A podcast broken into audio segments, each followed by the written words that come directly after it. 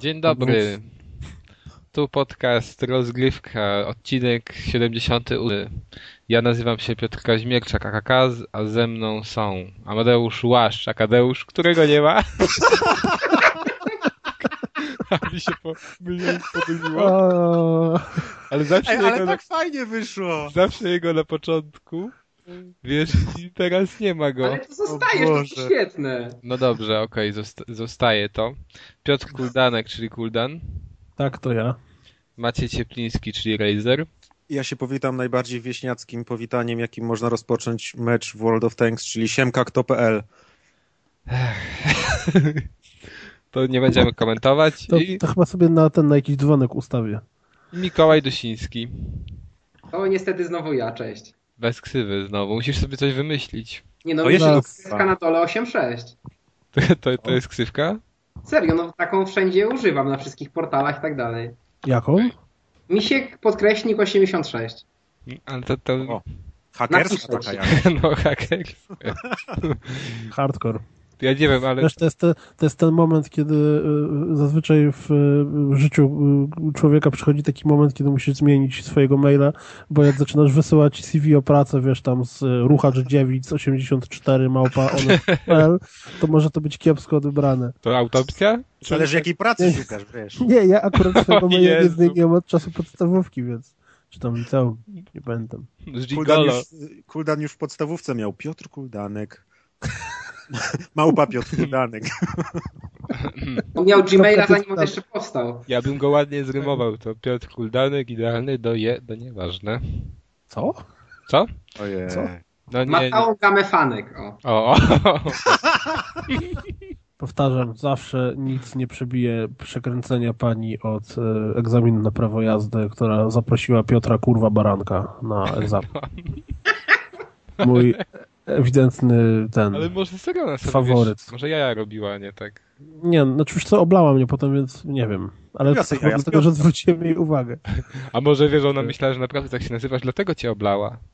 Za Nie. nazwisko. Co nazwisko? Nazywa? Kurwa Baranek. Proszę wyjść z samochodu. Nie przystoi na prawie jazdy takie nazwisko. To były jeszcze te czasy, kiedy się robiło, był plac manewrowy, a nie tam jakieś No ja- że ja też byłem na- na manewra. Nie ma, teraz jak jedziesz sobie po mieście, to każdy Jest manewr plac, tylko jest zasadzie, plac o, widzi pan tam ten całkowicie pusty parking, to proszę tam Ale zaparkować. nie, no jest plac, tylko że ten plac chyba się składa, nie wiem, z łuku i z czegoś jeszcze chyba. Znaczy, z, chyba, z, chyba tylko z łuku nawet. U nas to było losowanie. Ja też miałem losowanie. Ja miałem, No. akurat trafiłem na zawracanie i na coś tam jeszcze, już nie pamiętam. Na któreś Na ręcznym chyba. Mikołaj się nie odzywa, to strzelam, że on już nie miał placu. Mikołaj chyba ten, chyba... Chyba spadł z krzesła. No. Jak usłyszał kurwa baranku, to wymięknął. Dziwne Czyli, no dobrze, to jest już nas tylko trzech. Kto następny? Olej Jak w dobrym horrorze. Ale O, w dobrym horrorze jeszcze dziewczyny brakuje i co nam mi tam ładnej dwóch nawet dziewczyn. Tym się zajmuje teraz Deusz, dlatego go jeszcze nie ma. Może stworzymy No to- sobie dziewczynę z komputera jakąś. Był taki serial, pamiętacie? Nie O pamiętam Jezu, jak, nie. No, dziew... jak to się... Było, było takich dwóch geeków na dzisiejsze Hmm. standardy, którzy zrobili jakiś tam motyw i z komputera dziewczyna no, dziewczyna z wyskoczyła. komputera. I ona tak się była- Tak nazywało po prostu. No okej. I ona Weird była czymś w rodzaju Gina. No tak, ale to był, to był film nawet. To był film w O latach Boże. 80., a później Pamiętam, że nie mogli jej rozebrać. serial. To ich największy problem w tym całym serialu. Pierwszy od razu, jakie macie życzenie? Rozbierz się i takie chamskie paski cenzury. Ale w ogóle tam, w- to, to, to wiesz, to jak, tak, jak to oglądałeś, to tak się fascynowałeś, nie, że szkoda, że ja tak nie mogę. Na przykład. Rozgrywka podcast o grach wideo. Nie, A tak chyba nie mówi. dodałem No dzisiaj. to, o- zacznij, to zacznijmy z newsami w takim razie. Ale w ogóle dobrze podałem numer odcinka 87 chyba, tak? Nie, A w 78. rozpisce jest 7.8. A to ja chyba powiedziałem 78, jak nie to 78. Zawsze możesz mówić, że 69 albo 66. 7.8 się zgadza. Uniwersalny numer. Zaczynajmy. To co, Battlefield? Proszę panowie, ja to jestem w Battlefieldzie, oprócz tego co mi pokazaliście, czyli filmiku, Gifa. na którym, tak, gifa, na którym widać em, AI znakomite, to nic więcej nie wiem o tym Battlefieldzie i powiem szczerze, że nie chcę więcej. Nie muszę znać więcej informacji, bo i tak mnie to nie interesuje, ale no dobra. No, w wielkim mega skrócie. Dziś zaczął się ten dzień, kiedy wojny konsolowe nowej generacji rozpoczęły się na dobre, to znaczy poszedł news, że Battlefield 4 na Xboxie będzie wyglądał dużo gorzej niż będzie wyglądał na PS4, czyli będzie w słabszej rozdzielczości, bo będzie tylko w 720p, a na PS4, poprawcie mnie jeśli się mylę, będzie w 900p. W ogóle nie wiedziałem do tej pory, że jest takie określenie rozdzielczości, ale z tego co wyczytałem dalej w newsie, oznacza to rozdzielczość 1600 na 900 pikseli. I generalnie y, to powoduje, że będzie dużo gorzej wyglądał, tak? No, znaczy lepiej ma wiem. wyglądać. Znaczy jeden dużo lepiej, a drugi dużo gorzej. Aha, no tak. Te kwestie chyba różnic w teksturach, kwestia tego, że w niższej rozdziałce bardziej widać aliasing, więc te systemy anty-aliasingu są mniej, mniej efektywne. Nawet jeśli są takie same w obu przypadkach, to tutaj będzie efekt lepszy, tutaj będzie efekt gorszy i tego typu drobiazgi. Tak, nie no wiem, tak nie... ale to jest pół drogi do Full HD, no to jest tam 180 pikseli, no bez przesady. Natomiast Ale jest okazja, żeby jechać tego, po Xboxie. No. Tak, oprócz tego rozlało się też y, różne ciekawe wątki na wielu interesujących forach, jak na przykład na Deogafie, gdzie jacyś panowie też również na Twitterze i w wszelkich innych miejscach, gdzie mogą się pojawiać tajne hasła, jakieś mega kody, y, informacje z zapleców branży, nie wiadomo co jeszcze, mówią o tym, że PSN na przykład będzie działał dużo lepiej niż y, Xbla, że mega feature Snap w Xboxie strasznie zawiesza i w ogóle muli, że deweloperzy mówią o tym, że oh, cytując Xbox One Online is clusterfuck city e, i że ESRAM will be always a bottleneck i tak dalej, i tak dalej, i tak dalej. Czyli generalnie, jak już mówię, weszliśmy w nową erę wojen konsolowych i tego, że Xbox One śmierdzi, a PS4 pachnie fiołkami, albo PS4 się, a Xbox One jest cudowny. I tak znowu przez 4 lata będzie.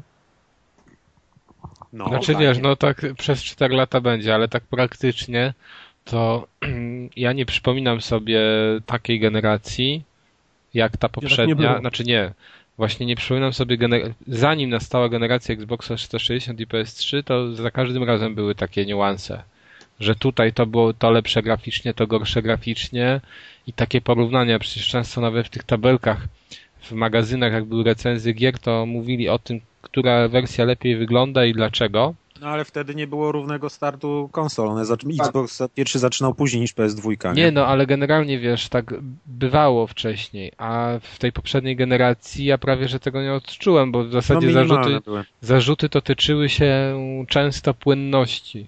Tylko, tylko płynności takiej, że niby na, na taki powszechny pogląd panował, że na Xboxie 360 jest płynność lepsza gier. Słuchaj, to jest tak, że jak masz jedną Ale... konsolę, to i tak tobie to zwisa. No bo co z tego, że na drugiej konsoli gra wygląda lepiej, skoro ty tak masz tą jedną i na niej będziesz grał. Jak masz dwie konsole, to wtedy najczęściej są również inne rzeczy, które przemawiają za tym, gdzie sobie kupujesz. Na przykład płatne, znaczy ja nie mówię ze swojej, swojej autopsji, ale swojej autopsji, brawo. Tylko z, tego, co słyszałem od osób, które mają dwie konsole. Czyli na przykład, że tu jest płatny live, a na PSN jest darmowa, a będę chciał pograć w multi, to kupię sobie na ja PSN. Wiem, Albo, tylko, że, że pad do Xboxa jest wygodniejszy, więc wolę grać na Xboxie. Nie, ale Albo, wiesz, ale... coś tam, coś tam. No dobra, ale biorąc pod uwagę to, że to jest naprawdę generacja, która znaczy ta nowa generacja będzie szła trochę tym tropem tej wcześniejszej, czyli będą większość gier jednak będzie wydawanych na wszystkie platformy, na obydwie, czy tam włączając jeszcze w to PC, to, to na trzy główne platformy, to już można się zastanawiać nad takim wyborem bardziej, jeżeli faktycznie ta grafika gdzieś będzie, no wiesz, no gorsza. Znaczy ja wam powiem, że ja się boję trochę czego innego, bo ja pamiętam 2000, poprawcie mnie, siódmy rok, kiedy PS3 się pojawiała na rynku. Czy to w Polsce? W Polsce, znaczy w Europie. W marcu zdaje się to było. To pamiętam, że jak zobaczyłem. Tak, w Europie, no. Mhm. No, jak zobaczyłem Motorstorma w akcji po raz pierwszy, jak wystawili bodaj w Arkadii te no. Stenty, no to szczękopad był naprawdę konkretny. No. Tak? To było coś, z czego no, na domowym PC nawet dobrym wtedy ciężko było osiągnąć, tak? Tu miał tytuł ekskluzywny, który wykorzystywał te jakieś tam powiedzmy specjalne funkcjonalności tego Supercella, który napędzał tam rakiety kosmiczne i to faktycznie robiło wrażenie. A dzisiaj jak oglądam sobie filmiki z Assassina, czy, czy, czy z Battlefielda, czy nawet z ekskluzywnego Killzone'a, to jakoś tak no nie widać tego, to naprawdę obawiam się, że to te platformy mogą się zestarzeć dużo szybciej. Nie chciałbym tego, bo jako że no, gram na konsoli, w PC nie inwestuję, no mam tylko laptopa do, do pracy, to nie chciałbym tego, ale jest takie ryzyko moim zdaniem. Ale to... Słuchaj, na 100%, tylko poczekaj, jest jeszcze jedna rzecz. Na 100% Crysis trzeci na komputerze NASA, czy tam na jakimś ultra hiper gamingowym PC z Alienware cokolwiek innego, będzie wyglądał, mimo że to jest gra sprzed roku, tak? Przez pół roku, no nieważne, ale sprzed jakiegoś czasu, będzie wyglądał graficznie dużo lepiej niż Killzone, czy Rise, czy tam cokolwiek innego wyjdzie na starcie konsol. To daje to gwarancję. Tylko jest jeszcze kwestia tej ceny. Nie złożysz sobie za 2000 w przybliżeniu, które będą kosztowała nowa konsola, kosztowała nowa konsola, PC-ta, który da tobie możliwość grafiki tak wyglądającej. Złożysz za 2000, bo kupisz tylko płytę, procka, rami, kartę, a stare sprzedasz i w 2000 się zmieścisz. No nie wiem, no ale dobrze, ale powiedzcie mi też w ten deseń, bo tak, ja też tak mam, że opad szczęki to ja miałem wcześniej. Tutaj przy tej generacji tego nie ma. Znaczy przynajmniej przy tych filmikach, które widziałem do tej pory, to tego nie ma. Ale to też chyba trochę wynika z tego względu, że kiedyś um, że ta generacja wyglądała tak, że od razu mam na przykład takiego Battlefielda trójkę, który wychodzi na, proszę cię Maćku, tam trochę wyciszyć. Dobrze. Gdzie wychodzi na tę generację Battlefield 3, na tę starą, czy Xboxa 360, powiedzmy, jeszcze na PC, i widać gołym okiem różnicę. I my się już przyzwyczailiśmy wcześniej na tych filmikach prezentowanych na przykład na E3, że ten Battlefield trzeci wygląda powiedzmy świetnie, bo był prezentowany na jednym z lepszych PC-ów. No to jeszcze. Wiesz, i to, to jak my trochę się z tym oswoiliśmy i widzimy nową generację, no to już takiego opadu szczęki nie ma. A kiedyś jednak bywało inaczej, bo te główne gry to, to, to wychodziły na konsolę i tej, ta, ta przepaść była no, łatwiej dostrzegalna, bo taka nagła jakby, nie? Nie było Wiesz, czegoś takiego, że przyzwyczaja... spojrzeć y, inaczej, bo jak zrobili symulację, jakby biorąc y, średnioroczną inflację w Stanach Zjednoczonych i ceny konsol przy debiucie, to aktualna generacja jest w tym względzie zdecydowanie najtańszą generacją konsol od czasu y, SNES-a. A już Chodzi na... ci o tą nadchodzącą. Tak, ta nadchodząca jest, będzie zdecydowanie najtańszą w stosunku do reszty jakby cen gospodarce, zarobków i tak dalej. Czyli no to słuchaj, jest... ja pamiętam ile mnie kosztowała PS2 i pamiętam ile mnie kosztowała PS3, PS3 i to jest y, duża różnica. A nawet nominalnie, a jak jeszcze weźmiesz pod uwagę, że wtedy zarabialiśmy no, ceny były niższe, to tym bardziej, nie? No tak, je, jeszcze dodatkowo trzeba wziąć pod uwagę, że to może być związane z tym, że chociażby Sony prze, się przejechało trochę na PlayStation 3 pod względem kosztów i mogli tutaj działać tak, żeby ta konsola jednak nie była tak kosztowna. Wiesz, na PS3, jak na PS3, pomyśl sobie, jak się na Widzie przejechali, gdzie uh, Research and Development Ale na też Wicie... swoje kosztował. To, no ale wiesz, ale to na PSP też można powiedzieć, chociaż no... Nie no, PSP się sprzedało. PSP to jeszcze się sprzedało, no w porównaniu do DS-a to było, to było źle, ale to generalnie to jeszcze chyba w miarę. Natomiast no Vita to fatalnie, no ale no nie, nie sądzę, żeby wyprodukowanie Vity było, wiesz, porównywalne z wyprodukowaniem dużej konsoli. Tym bardziej, że yy, Vita wcale nie jest... Yy, no nie wiem, no nie jest jakimś skokiem mega, dla mnie przynajmniej technologicznym, Wiesz, jeżeli chodzi o grafikę. Widać, widać bardzo intensywnie, że oni bardzo chcą pokazać, że mając PS4 bardzo powinieneś mieć Vita. No tak, no przecież te wszystkie e, funkcjonalności, że będzie można używać jako pada, jako dodatkowego tak. ekranu do mapy i tak dalej, no to kto, to, kto tego będzie robił, to, to mnie zawsze rozwala, bo wszystkie takie koncepcje wychodzą z założenia, że to są naprawdę świetne, unikatowe E, feature'y, których ty będziesz używał. Kto będzie tego używał? Przecież to będzie skrajnie niewygodne. Będziesz grał na wicie, gdzie na przykład nie masz triggerów, będziesz korzystał z mapy i nie wiem, pa, kład pada gdzieś tam obok i chwytał za witę, żeby sobie mapkę znaczy, sprawdzić. Znaczy słuchaj, e, było, to wszystko zależy od tego, co wymyślą mądrzy deweloperzy. Media Molecule w przypadku e, Little Big Planet dwójki zrobiło cały ten taki pack map, czy tam map level pak z, wykorzystujący Wity i to było fajne, bo na przykład grałeś sobie, normal, trzymałeś Witę jako pada, nie, nie, nie miałeś go na kanapie obok siebie i dajmy na to, jak twoja postać wchodziła tam do jakiegoś tunelu, który był tak jakby pod planszą widzoną na telewizorze, to ona ci się pojawiała na widzie i wtedy no sterowałeś no tylko na widzie. Weź... Albo na przykład Wita działała jako wizjer patrzącą przez tam, nie wiem, karton, który cię zasłaniał. Nie? Ale to są, wiesz, to są takie pierdołki, gdzie gra była przygotowywana specjalnie z tą myślą. Myślisz, że y, normalnie tak gry będą działać? Bo moim zdaniem to ja będzie obawiam, wybranych że to kilka będzie tytułów, które będą Dokładnie wiesz... tak samo, jak z... Znaczy, istnieje pewna możliwość, że może te wszystkie zastosowania, gdzie tablety mają być wykorzystywane, będziesz mógł zamiast tableta użyć Vita. To jest być może, być może prawdopodobne, bo domyślam się, że w przypadku tabletu to po prostu będzie apka, która będzie za to służyła w tych tam Division i całej reszcie gier, które to mają, czy tam w Watch Dogsach, czy gdziekolwiek indziej.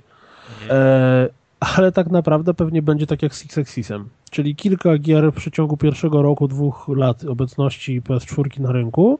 E, z deweloperów first party będzie jakieś tam lekkie ciśnienie, żeby oni pokazali, że Vita faktycznie robi różnicę.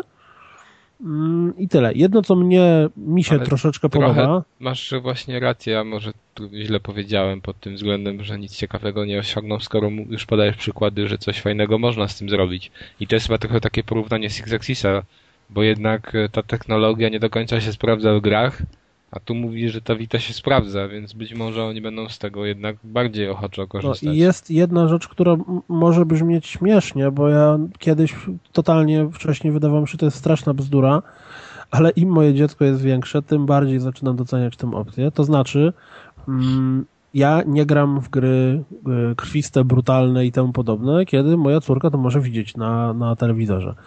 A jest tak, że na przykład w danym momencie w ciągu dnia nie robię nic innego i mógłbym sobie pograć, ale nie mogę pograć, dlatego że córka widzi telewizor. A mając opcję tego, że grałbym w tą samą grę, w którą grałem przed chwilą na PS4 na Wicie, tak, że tylko ja widzę ten ekranik i mogą tam się flaki przelewać z lewa na prawo, to dla mnie zaczyna być to jakiś interesujący selling point. Ale to będą małe flaki wtedy. No małe no, ale flaki, to jest, ale, nie, no, ale to jest, flaków bym widział. Ale nie, nie, ja sądzę, że, tak, że takie problemy jak ty w tym momencie to jednak nie mają większość graczy, tylko jakaś garstka. Oj, nie zgodzę się z tobą, przecież jakby wszystkie badania wskazują na to, że wiek graczy rośnie i to dość drastycznie. Jak ostatnio pisałem taki duży raport na zlecenie, to aż byłem zdziwiony tych statystyk. Teraz nie, nie przywołam, ale generalnie ten wiek bardzo mocno rośnie, czyli takie osoby jak Piotr, które mają dzieci, które mają rodziny, które telewizor mają zajęty często przez telewi- jakieś tam y, teleturnieje czy inne seriale, no w tym momencie ta Wita staje się jakimś tam sposobem na nagranie dalsze, nie? Wiesz co, bo to, moim zdaniem to może trafić do dwóch grup. Do grup tych osób, które mieszkają jeszcze, y, nazwijmy to w sposób młodzieńczy, tak, że mają, wiesz, jeden telewizor na całą rodzinę, i oni po prostu wtedy, rodzice mogą, czy rodzeństwo może korzystać z telewizji i wtedy grać na wicie. Później jest ten moment, kiedy ludzie stają się singlami mieszkającymi samotnie, ewentualnie z dziewczyną i wtedy nie ma dyskusji o telewizor, bo wiesz, bo, bo po prostu nie.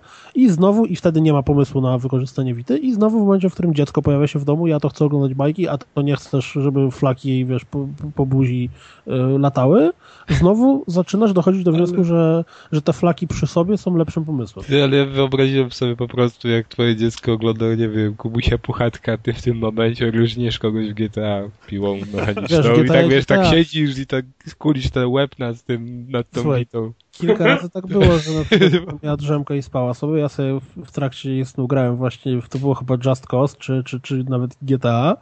Drzemka się skończyła, no chodziło, cześć tato, co robisz? A, już nic. Po, powiemy jak dorośnie, co to robi. Wtedy powiem, przesłuchaj dziecko 78. Masz takie wielkie archiwum, jak gdzie będziesz potem tak. sprzedawał, nas, nas, nas szantażował. W 70 którymś będzie cowboy. Wiesz, jak strzelałeś w tego McCricka, czy McCormicka. No, dobra, dobra. No dobrze. A tak swoją drogą, jeszcze a propos y, nowych konsol i tam podobnych rzeczy. Y, co sądzicie o zestawie... O Wii U? E, nie, nie, nie, o zestawie e, tytułów startowych. Znaczy Zarówno ja jestem... na PS4, jak i na Xboxa. Ja powiem szczerze, że jestem mocno zawiedziony zestawem tytułów startowych na PS4, no bo tylko jej zakup rozważam, bo nie chce mi się ciągnąć sprzętu z Anglii i jeszcze dopłacać za to i ryzykować, że jeszcze jakieś cła albo inne problemy mi wejdą.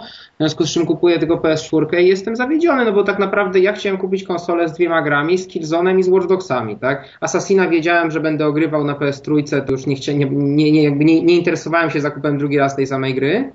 I, I, w tym momencie z dwóch tytułów, które mnie interesowały, stał mi jeden, jakieś dwie popierdółki, które dostanę w PS Plusie na start, bo oczywiście Drive Club też mi wyleciał, tak? A NAK cię nie interesuje? Chciałeś Drive Club? Drive Club mnie interesuje, bo lubię wyścigi na start konsol, bo one są naj, najłatwiej, mam wrażenie, w wyścigach pokazać moc przerobową sprzętu, więc wyścigi na starcie zwykle, tak jak było z Motorstormem, wyglądają dobrze, czy z Ridge Racerem już 100 lat temu przy PS. Ja no, masz rację, te filmiki z Drive Cluba, które tam się pojawiały ostatnio, faktycznie wyglądają całkiem ładnie. Dokładnie, także na to liczyłem. Po na pokaz możliwości graficznych i powiedzmy przerobowych, tak? Jak czy AI będzie działało i tak dalej. A NAK pytałeś o NAKa? Nie, jakoś nie wiem. No, dla mnie to jest gra, którą mógłbym wziąć za 60 zł. No. I nie, i nie za Czekasz dwa miesiące, będzie w plusie. Dokładnie. Nie, no nie, niekoniecznie, ale... Ja no, nie wierzę, żeby było. Żeby Jak, no, tak, ja bym powiedział, że jeżeli chodzi o Xboxa 360, to w, w jaką grę bym chciał zagrać z tych, co widziałem? Dead Rising. Dead, no właśnie, w Dead Rising chciał, ale nie kupiłbym chyba tego na premierze. Tak mi się. Znaczy pewnie gdybym kupił tę konsolę na premierze, to, to w ten bym inwestował. No nie miałbym wyboru. Ten Crimson Dragon, no ale to jest y, popierdółka. To jest na Znaczy, z start? dużych tytułów na Xboxie niby jest na masz start, e, tylko że w Dead Rising, live'ie. Forza i e, Rise. No i Just Dance. No ale, No, I Killer Instinct. ale Just Dance pewnie będzie wszędzie, a Killer Instinct jest, no jednak chyba będzie to Nie, no ale to wiesz, jeszcze raz, no dobra, w każdym razie to chyba ten Dead Rising tak przekonał, nie przekonał. Jeżeli chodzi o y, y, PS4, no to bym nie przekonał może Killzone, ale wi wiecie jakim jestem fanem FPS-ów, jednak Killzony mi się w miarę podobają, więc pewnie Killzone. No i ten NAK, no ale to też nie są tytuły, które bym musiał mieć zaraz, żeby, ale nie wiem... Z drugiej strony, jak spojrzysz sobie na y, pakiet tytułów startowych PS3, to też miałeś Resistance'a, Motorstorm i trochę multiplatform i koniec. Przez... Nie no, tak nie był wtedy w tym momencie, znaczy chyba, nie wiem czy to Genji nie był wtedy na? Genji. Ale Genji. jest gra na 6 na 10, tak? Ale ja pewnie Genji bym wziął wtedy, gdybym. No, no mówię ci, bo z tych co wymieniłeś, to, to nie, na, nie grałem jeszcze w tego Genjiego. Kiedyś muszę to nadrobić, bo to jest chyba od tych samych kolesi, którzy zrobili Animusze. Czy nie? Nie Bo wiem. Był Genji jeszcze na PS2 i później wyszedł ten nowy na PS3 i on chyba jest od tych właśnie ludzi. Czy tam jakieś części, bo on generalnie był wzorowany trochę na Animuszy. Wiesz, zawsze jak, co, jak jakaś, jak, jakaś nowa grupa deweloperska robi gra, to ponieważ tam był jeden gość, który kiedyś pracował przy Nie, wiesz, ale się... ja nie mam pewności, mogę się mylić, ale właśnie te gry mi się kojarzą blisko ze sobą i tak mi się coś wydaje, no ale to już było Tak, tyle lat temu. Setnik trochę podobny, nie? Znaczy, ale tam założenia były, bo one wyglądały podobnie. Bo Tak, mówię, masz rację. te- Ten Genji to As wychodzi... with the original gen... God. Gameplay polsku. Strongs, no tak, że nawiązuje do animusu. No, Z w marsjańskiego na ja, polski. ja pamiętam tego Genjiego, bo ja chyba nawet miałem coś tam na PS2 tę grę, czy widziałem, jak coś, coś mi się ona jarzy jakoś. I dlatego ja bym na pewno wziął wtedy tego Genjiego. No ale i tak nie kupowałem. A PS2 to w ogóle miała masakryczne tytuły startowe. Bouncera Pamiętam- miała. Co miała? O, Bouncera. No właśnie, Bouncera, pamiętam jak Miała chyba... tą grę o strzelaniu fajerwerkami. Neo Plus, no. To też. Jak Neo Plus y, Fest... Nie, jak ona się nazywa, nie pamiętam. Ale Neo Plus recenzował Bouncera i oni coś tam zamówili, to z, nie wiem, z Japonii czy skądś. Zamówili z Japonii.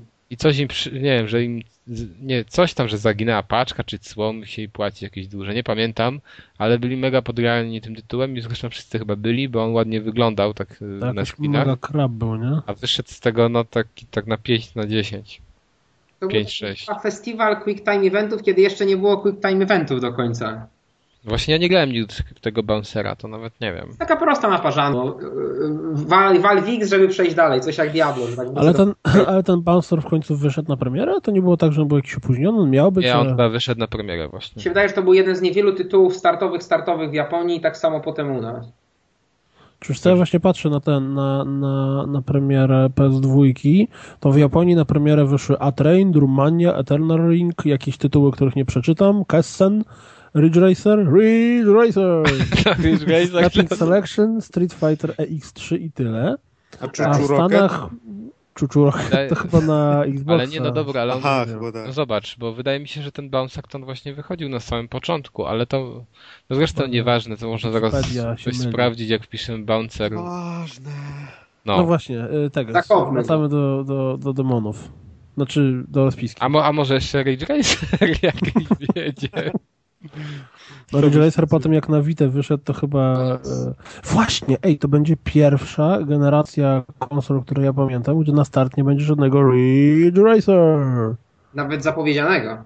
Ale w ogóle wyszedł ten Ridge Racer, co o niego zapowiadali, taki jakiś dziw, dziwaczny, że tam no, coś... Na Vita jakiś tam wyszedł. Burnout? A, mówisz o Bounded. No chyba. Wyszedł. To, to jeszcze wyda, wydawała Cenega, jak ta, tam jeszcze pracowałem. To już jest półtora roku będzie. Jak wyszedł. Aha, no wyszedł i poszedł.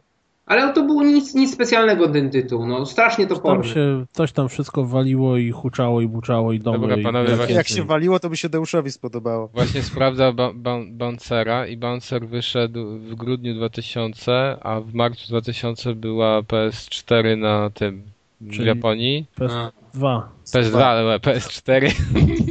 Czyli PS2 North America. prawie rok później. Ale z drugiej strony The Bouncer no, was Square's first game on PS2. Jakie było, co, Pierwsza gra Squaresoftu na tą platformę. Aha. O, dali czadu. Dokładnie. Z wysokiej Nie to, to, to, to, nam się pomyliło, ale ewidentnie byłem przekonany, że to, było, że to był startowy tytuł. A on nie był w Dobra, mistrzowie off-topu. E, my wszyscy jesteśmy. E, jeszcze coś o tym, że e, będzie wojna konsolowa, albo że i tak gry na PC będą wyglądać ładniej, czy nie? Nie, sam to pięknie podsumowałeś właśnie. Ale jeszcze mogłeś dodać jedną rzecz. Że i tak nie kupię PC, tylko że po prostu... nikogo. no, gry na PC będą wyglądały lepiej, ale tak nikogo.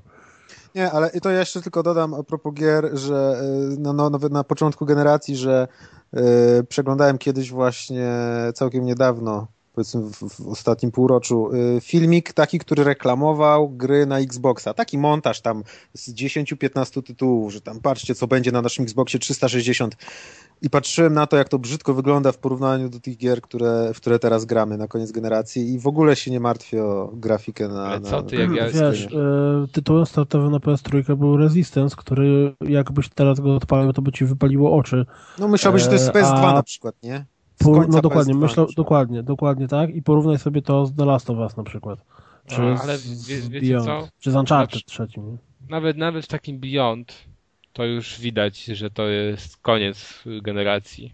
Że to już jest, wiesz, że to już nie robi... Na przykład Heavy Rain bardzo robił. Dla mnie. Robił, robił. A Beyond już tak nie. Beyond ma fajną, bardzo fajną mimikę twarzy i te twarze naprawdę wyglądają, ale już całe sylwetki postaci nie wyglądają tak świetnie te wszystkie, ta cała taka umowność, że masz specjalne ujęcia, a zresztą będziemy mówić o tym. Właśnie, czy to jest twoje płynne przejście do działu gier? Nie, my nie robimy płynnych przejść. robimy koślawe Robimy tylko szorstkie i, wiesz, i po schodach. My, my jak ten jak niewprawny e, olimpijczyk skaczący przez płotki, tak? Potykamy się co chwila. Bo... Dobrze, no to na czym się teraz nam stanęło? Skoro szorstkie... Skoro, skoro szorstkie... Jakieś? Skoro szorstkie wejście, to może o szorstkim ręczniku. Nie wiem, czy zobaczyliście ten filmik o branży, który wam zapodałem przed audycją, czy nie, nie oczywiście olaliście moją sugestię? Ja go rano ja nawet, widziałem, panie Ja nawet nie wiedziałem, że to jest sugestia. Ja widziałem filmik branży, a nie spojrzałem, że tam jest link. Branża, branża, branża. Branża, branża. No dobra, co wy o tym, bo ja jestem jakby, mam wrażenie, odrobinkę mocniej może od, od Maćka i Piotrka w środku tego piekiełka. Co wy o tym sądzicie? Czy was w ogóle to śmieszy? Czy w ogóle łapiecie te dowcipy, czy to naprawdę jest śmieszne? To jest śmieszne tylko dla tych, co tam są umieszczeni. Ej, śmieszne, bo to jest zabawne. To dobrze. Znaczy to jest śmieszne, ale y, poza tym, że jest zabawne, to trochę trzeba wiedzieć, kim jest jeden pan albo drugi, bo wtedy jest śmieszniejszy. Znaczy, no tak, no jak nie wiesz, kto to jest Mielu albo Rok, to faktycznie może ci się wydawać po prostu jakieś dziwne Albo zdjęcie. Kosman. Y, albo Kosman. Jest.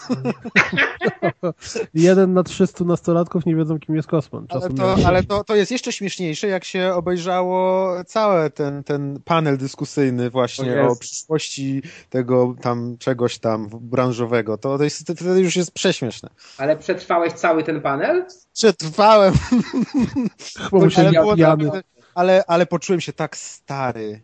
Poczułem się tak stary, jak normalnie się nie czuję stary, to poczułem, że jak teraz jak, jak mam 30 lat, a już za miesiąc będę miał 31, to się poczułem jak dinozaur, który już nie ma, nie rozumie dzisiejszego świata i dzisiejszej młodzieży. No, ja jestem od Ciebie troszeczkę młodszy, ale poczułem się dokładnie tak samo, a najbardziej mnie rozwaliło to, że mm, tych czterech panów, którzy to prowadziło, rzuca pytanie na panelu, który się nazywał tam e, niedokładnie, ale tam dziennikarstwo growe wczoraj i dziś. Gość zadaje pytanie, czy przyszliście tu, żeby dowiedzieć się czegoś o dziennikarstwie growym? cisza. Chyba świerszcza brakuje tego, wiesz. Cs, cs. Mhm. A czy przyszliście tu dla nas? Tak, owacje na stojąco, majtki rzucane na scenę. No super, mega świadoma publika. Idą na panel o dziennikarstwie growym po to, żeby popatrzeć na czterech gości, którzy gadają bzdury. Rewelacja. Znaczy, nie żeby... traćmy na to czasu. Żeby było jasne. Ja nawet nie wiem o co chodzi, bo ja nie widziałem tego. O, to żyj w błogiej nieświadomości, królu. Nie, no bo tu jak o to, że czterech youtubersów, y, był panel o treści dziennikarstwo growe wczoraj i dziś. I to jeszcze był reklamowany na YouTubie jakimiś takimi tekstami, że prawdziwe dinozaury y, branży pisanie o grach, łącznie z tym nowymi, wiesz, młodymi wilkami, czyli let's playersami, youtubersami. No i był panel, który prowadziło czterech panów, czy pięciu, nie pamiętam, którzy po prostu nagrywają filmiki na YouTubie i, i wrzucają je. I to tyle, jeśli chodzi o ich bycie dziennikarzami. Ale tam był rok, właśnie, jakiś... słuchaj, to idziemy sobie, byliśmy na tym Poznań Game Arena i... E, to tam właśnie a, było. Aha, no i właśnie Arek mówi, patrz, coś tam idzie, nie? A on mówi, kto idzie? On mi gada, nie? On mówi, no kto to jest? No youtuber znany, nie? Ja już mówię, nie, następny, patrz, następny, kto? No i to samo, w ogóle ja nie jarzę, nie, nie oglądam. Więc... Czyli też już jesteś z tego starszego pokolenia takiego, co to już... Generalnie mi się od razu przypomniało to, co było na, na Pyrkonie chyba. Był też panel youtubersów, ale nie związanych z grami ogólnie, z, z wiecie, YouTube Money, tam jakieś adblocki, gąciarze i inni. I był na ten panel również zaproszona e, Pyta, pyta.pl. No i panowie z pyta.pl przyszli z jakimś żurem, którego posadzili tam między tymi youtubersami, mówiąc, że skoro YouTube i ludzie, którzy robią filmiki tylko na YouTubie, to i tak jest po prostu żulerstwo i szambo, to zamiast nas na wszelkie pytanie publiki może odpowiadać tam pan z Dzisiek, który jeszcze chyba walił wódą. Nie? I to jest moim zdaniem idealne podsumowanie e, również tego, co było ostatnio na PGA pokazane. Pytanie Żeby nie było. Ja nie, ja nie y, neguję wartości paneli, które tam były, bo widziałem, że i Tomek z Crunching Colas tam się udzielał i Piotrek z... z Kurde, to mi się podobało, bo znajomi. Nie, nie, wiesz, no ja niestety nigdzie jeszcze w internetach nie zobaczyłem tych paneli, które były bardziej techniczne czyli i o grach znaczy, indie, i o tam o Steamie. Generalnie tam było trochę paneli takich... Ja, y, tym, ja, ja paneli na przykład w tym roku nie widziałem, bo byłem tylko na pierwszym dniu.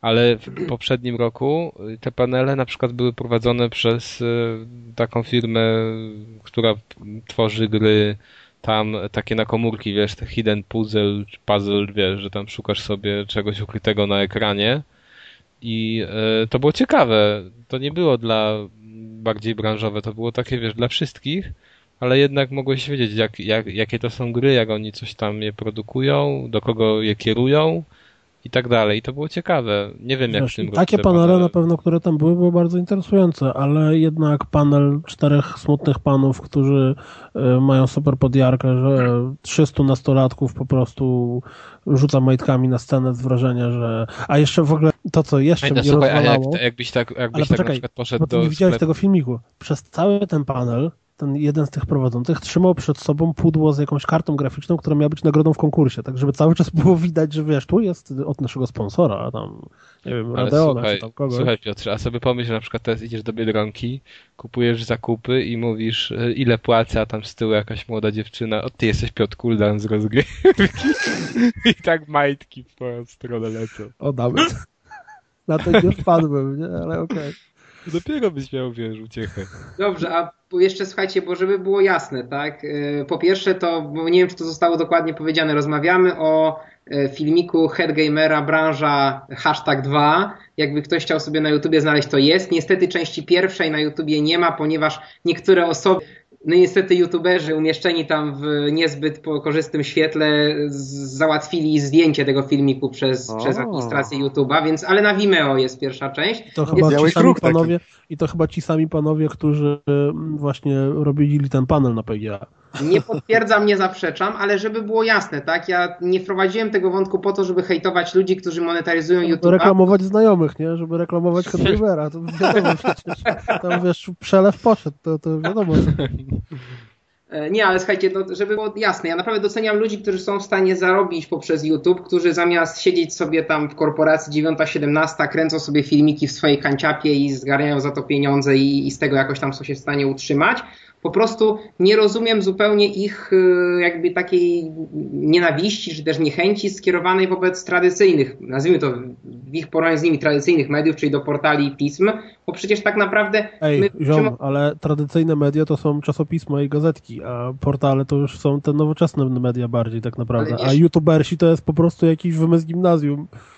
Ale widzisz, bo my, ja mam wrażenie, że my pisząc teksty, no bo ja nie, ja nie jestem osobą, która gdzieś tam ogarnia wideo specjalnie, poza jakimiś tam podstawowymi rzeczami, no my do innego czytelnika, czy do, właśnie do, do czytelnika trafiamy, oni trafiają do osoby, która chce coś oglądać, tak? My z podcastem znaczy wy i ja jako gość drugi raz trafiamy do osoby, która chce czegoś posłuchać. I Ej, ja no panie, widzę... przecież tego podcastu to słuchają tylko nasze mamy i wiesz, dziewczyny, żony i tam i psy i tam podobne. Co ty myślisz, że ktoś ja, tego ja słucha? Ja tak tego nie poka- powiem ci szczerze, ja bym tego mamy nie pokazał.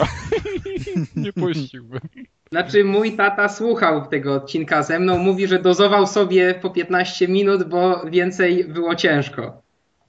No bo to, to jest taki, wiesz, powodu? żargon y, tutaj specjalistyczny i to... No ale może, a wiesz, a może on jest w tym żargonie obyty? Znaczy nie, po prostu jak w dziesiątej minucie usłyszał żart o zwodach i wzwodach, to zastanowił się, czy nie puścić, ale... No, no właśnie, pewnie, Deusz. Dzisiaj go nie ma, to możesz mu puścić dzisiejszy odcinek. Klasyk Deusz. Ale dzisiaj zaczęliśmy z gruby rury na początku, więc... Dobra. No, ja nie wiem, mam wrażenie, że kręcimy się w kółko, bo filmik jest fajny, zabawny, można go obejrzeć, no, youtubersi są głupi i śmierdzą. Co jeszcze? No nic, jedziemy do gier, bo znowu Dobrze. mamy... To może, to, to może zacznijmy tą grą, o której mówiliśmy wcześniej. Już napomknęliśmy, czyli Ale Beyond. ona jest na końcu roz, rozpiski, to nie fair. To przestawię. od tyłu zaczynać. No czekajcie, co co? Kasy od tyłu, udało się. Zaczynać? Niekoniecznie. Dobrze. Nie pogrążę się. Ta gra na B? Ta gra na B. Mamy jako A on nie chce spoilerami walić, to dobrze. Czyli zaczynasz od tyłu od gry na B, okej. Okay. Bez walenia spoilerami. Super. No dobra, to ja, ja na temat y, gry na B już trochę się, że tak powiem... Ale wiesz co, Mikołaju? Mhm. Może zrobimy faktycznie tak, bo może się okazać, że gdzieś jakiś spoiler przemycimy i damy może na koniec to. Dobrze. Czy też zrobimy spoiler cast? Tak jak teraz jest Nie, nie, nie, nie, nie ja się nie zgadzam, ja nie grałem w to jeszcze. to, to, to ty zatkasz uszy. nie, no po prostu nie, postaramy się tego nie robić, ale wiesz, to lepiej rzeczywiście jak Nigdy nie wiadomo. Chce. No, no to jedziemy od tej innej gry, tym razem na A. Tej gry na Alfabet A. Cały, Świeżynka. No. Po prostu to jest tak świeże, dopiero dzisiaj zeszło te e, o Jezu, NDA. NDA na recenzję, embargo. O dziesiąty raz właśnie, spadły, no. A to jest świeże tylko, wiesz, z powodu tego, że zostało dzisiaj wydane, może ze starych surowców zrobione? Czy, czy nie, to chyba będzie wydane tam niedługo dopiero, w piątek? Nie, nie, premiera sklepowa jest nie. dzisiaj. O. Ale pytam się, czy jest, wiesz, czy jest świeże i świeże, czy jest czy świeże... Odgrzewane. No właśnie. Chyba opowiadam. To znaczy, generalnie to nie jest zła gra, tak? To... Ale jaka? Właśnie. Assassin's Creed 4 Black Flag. E, nowy Assassin nie jest złą grą. E, mam to, mamy to szczęście na niezgranych, że nie musimy wystawiać notek takich cyferkowych, ale jakbym musiał, to podejrzewam, że wahałbym się między 7 a 8 ze skazaniem na 8. E, ponieważ e, gra, przede wszystkim gra jest ogromna, tak? Jest bardzo dużo rzeczy do roboty. Wydaje mi się, że w żadnym wcześniejszym Asasynie nie było tego kontentu aż tak dużo, tak? Bo poza wątkiem głównym, który trwa dość standardowe, zdaje się 13 sekwencji, e, w których w każdej jest oczywiście kilka, kilka dłuższych i krótszych misji. Do tego mamy w nim misje poboczne, które dla mnie były akurat najfajniejszym elementem gry, w której polujemy na templariuszy też dlatego były chyba najfajniejsze, bo w głównym wątku jest strasznie mało misji typowo skrytobójczych, tak? Czyli to, czego był na przykład przesyt nawet w pierwszym Asasynie, czy sporo w dwójce, czy Brotherhoodzie, tak tutaj tych misji jest niewiele, a jest ich niewiele przede wszystkim dlatego, że wprowadzili strasznie dużo tych elementów pirackich. Także dla kogoś, kto nastawiał się na grę o piratach, to dokładnie to dostanie, bo ja miałem takie wrażenie, jak w to grałem, jak dostawałem kolejne misje, w których robiłem kolejne rzeczy, jakby żywcem wycięte z filmów o piratach, czy to z piratów z Karaibów, czy z wcześniejszych piratów Polańskiego. E, to tak naprawdę miałem wrażenie, że deweloperzy dostali, zespół dostał taką checklistę, co ma się znaleźć w waszej grze, bo się kojarzy ludziom z piratami i pomoże nam potem sprzedać tę gierkę, tę grę w filmikach. Dokładnie A tak czy, było. Jakby... Czy jest ten utwór taki fajny z tego programu? Jak się program? To może ja życie. Są bandyci. Piraci. Co? Piraci. To był spiracony program, no był taki program w TVP chyba dwa. Chyba nie jeden. Piraci, tylko... E, może? Nie, czekaj, to no. było z filmu Piraci, to było z filmu Piraci. Piraci. Tak. Program chyba może, rzeczywiście. Może. Ale tam był ten taki właśnie świetny utwór, który w ogóle no, na zachodzie nieznany, a u nas to wszyscy kojarzą z starszego pokolenia trochę. Co do utworów, no to też jest jeden z fajniejszych motywów Asasyna, to są właśnie szanty, które nasi, bo w pewnym momencie gry, co nie jest wielkim spoilerem, zdobywamy swój własny statek i później nim sobie pływamy między poszczególnymi lokacjami i też prowadzimy te różne pirackie działania, o których za sekundkę. I bardzo fajnym motywem jest to, że nasi załoganci śpiewają barwne szanty, Bazę tych szantów mamy w tej database, czyli znowu standardowy motyw asasyna, że jest baza danych z różnymi rzeczami. E, I tam są również e, właśnie teksty tych szantów. Także jak kogoś interesują, bo to są prawdziwe szanty e, brytyjskie, brytyjskich i innych żeglarzy. Fajne jest też to, że jakby repertuar, śpiewnik możemy im rozszerzać. Niestety to jest akurat zrealizowane dość słabo, bo znajdujemy nutki, które zupełnie nie pasują do świata gry. No, są tak powiedzmy jak te fragmenty Animusa czy inne znajdźki i co gorsza one przed nami uciekają. W związku z czym musimy, y, musimy po prostu skakać po, po tym całym mieście, ganiać te nutki, one spieprzają dość szybko, także no, moim zdaniem można było to jakoś fajnie rozwiązać. Nie wiem, spotykać na przykład jakichś ludzi, które, którzy nam y, sprzedają te, te, te, te receptury, nazwijmy to, czy cokolwiek. No mi to się akurat Szkoda, bo same szanty są super i jakby ubogacają te, te pływanie, bo ono szybciej by się nudziło bez nich. A, w, a jeśli, no, chodzi, jeśli chodzi o pozostałe elementy pirackie, no to tak jak mówię, jest wszystko. Jest, powinny być, powinno być poszukiwanie skarbów z niejednoznacznych map, jest poszukiwanie skarbów. Miało być żeglowanie, jest żeglowanie. Miało być zdobywanie fortów, jest zdobywanie fortów. Miało być abordaże, są abordaże. E, Gildia Asasynów, która była obecna w poprzednich kilku częściach, zamieniono na taki mały symulator prowadzenia kampanii handlowo-pirackiej właśnie po, dzięki zdobywanym kolejnym statkom. Czekaj, a w trójce było ten taki cały wątek e, właśnie e, ojej, handlowy, nie, handlowy. Aha. Czyli tam właśnie mogłeś sobie budować e, wozy, które wysyłałeś do miast, mogłeś Może tam to było tak zagmatwane. I to było tak zrobione, że ja tego w ogóle, ale to w ogóle nie ogarnąłem. Wysłałem ale to w ogóle nieopłacalne Przez całą grę było. wysłałem jeden wóz, który od razu został zniszczony po drodze przez piratów, czy tam przez kogoś i kompletnie sobie to odpuściłem. Czy mówiąc o tym e, tutaj tej kampanii piracko... Właśnie.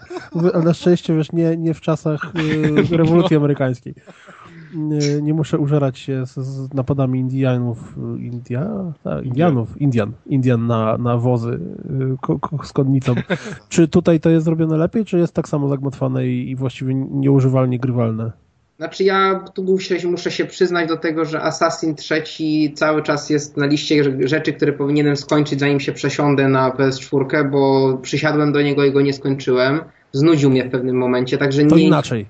Czy e, jest, ten wątek handlowo-piracko-wozowo-ekonomiczny jest, jest fajny, prosty. czy jest olewczy? Jest prosty jak drut, tak naprawdę. Jest prosty, ponieważ masz, masz, masz tak, masz statki, masz trasy handlowe, one mają różną trudność, Trudność możesz zmniejszyć, wysyłając je zawczasu na rekonesans yy, walką, czyli po prostu na starcie z, z, innymi statkami, które mogą spotkać po drodze masz, cały czas masz podane procent szansy, jak to wykonać. Ja tak naprawdę cały czas miałem 100%, bo ładowałem dwa statki na jeden, trzy na jeden i, i te bitwy były nie do przegrania. I potem je wysyłałem na te misje i co jakiś czas mi się pojawiały komunikaty, że po prostu statek wrócił, odbierz lód w, kaj, w, kaj, w kajucie, więc o, o, Czyli oni to wysyłanie asasynów na misję zamienili na wysłanie statków na misję. Jeden do jednego tak naprawdę, poza tym, że są bitwy dodane, pseudo-bitwy, które wyglądają jak z gry przeglądarkowej, bo masz po prostu twoje statki po lewej, przeciwnika statki po prawej i animacja schodzących pasków życia i tyle. O, to na PS4 będzie super wyglądać. To wygląda po prostu jak naprawdę z flashowej gry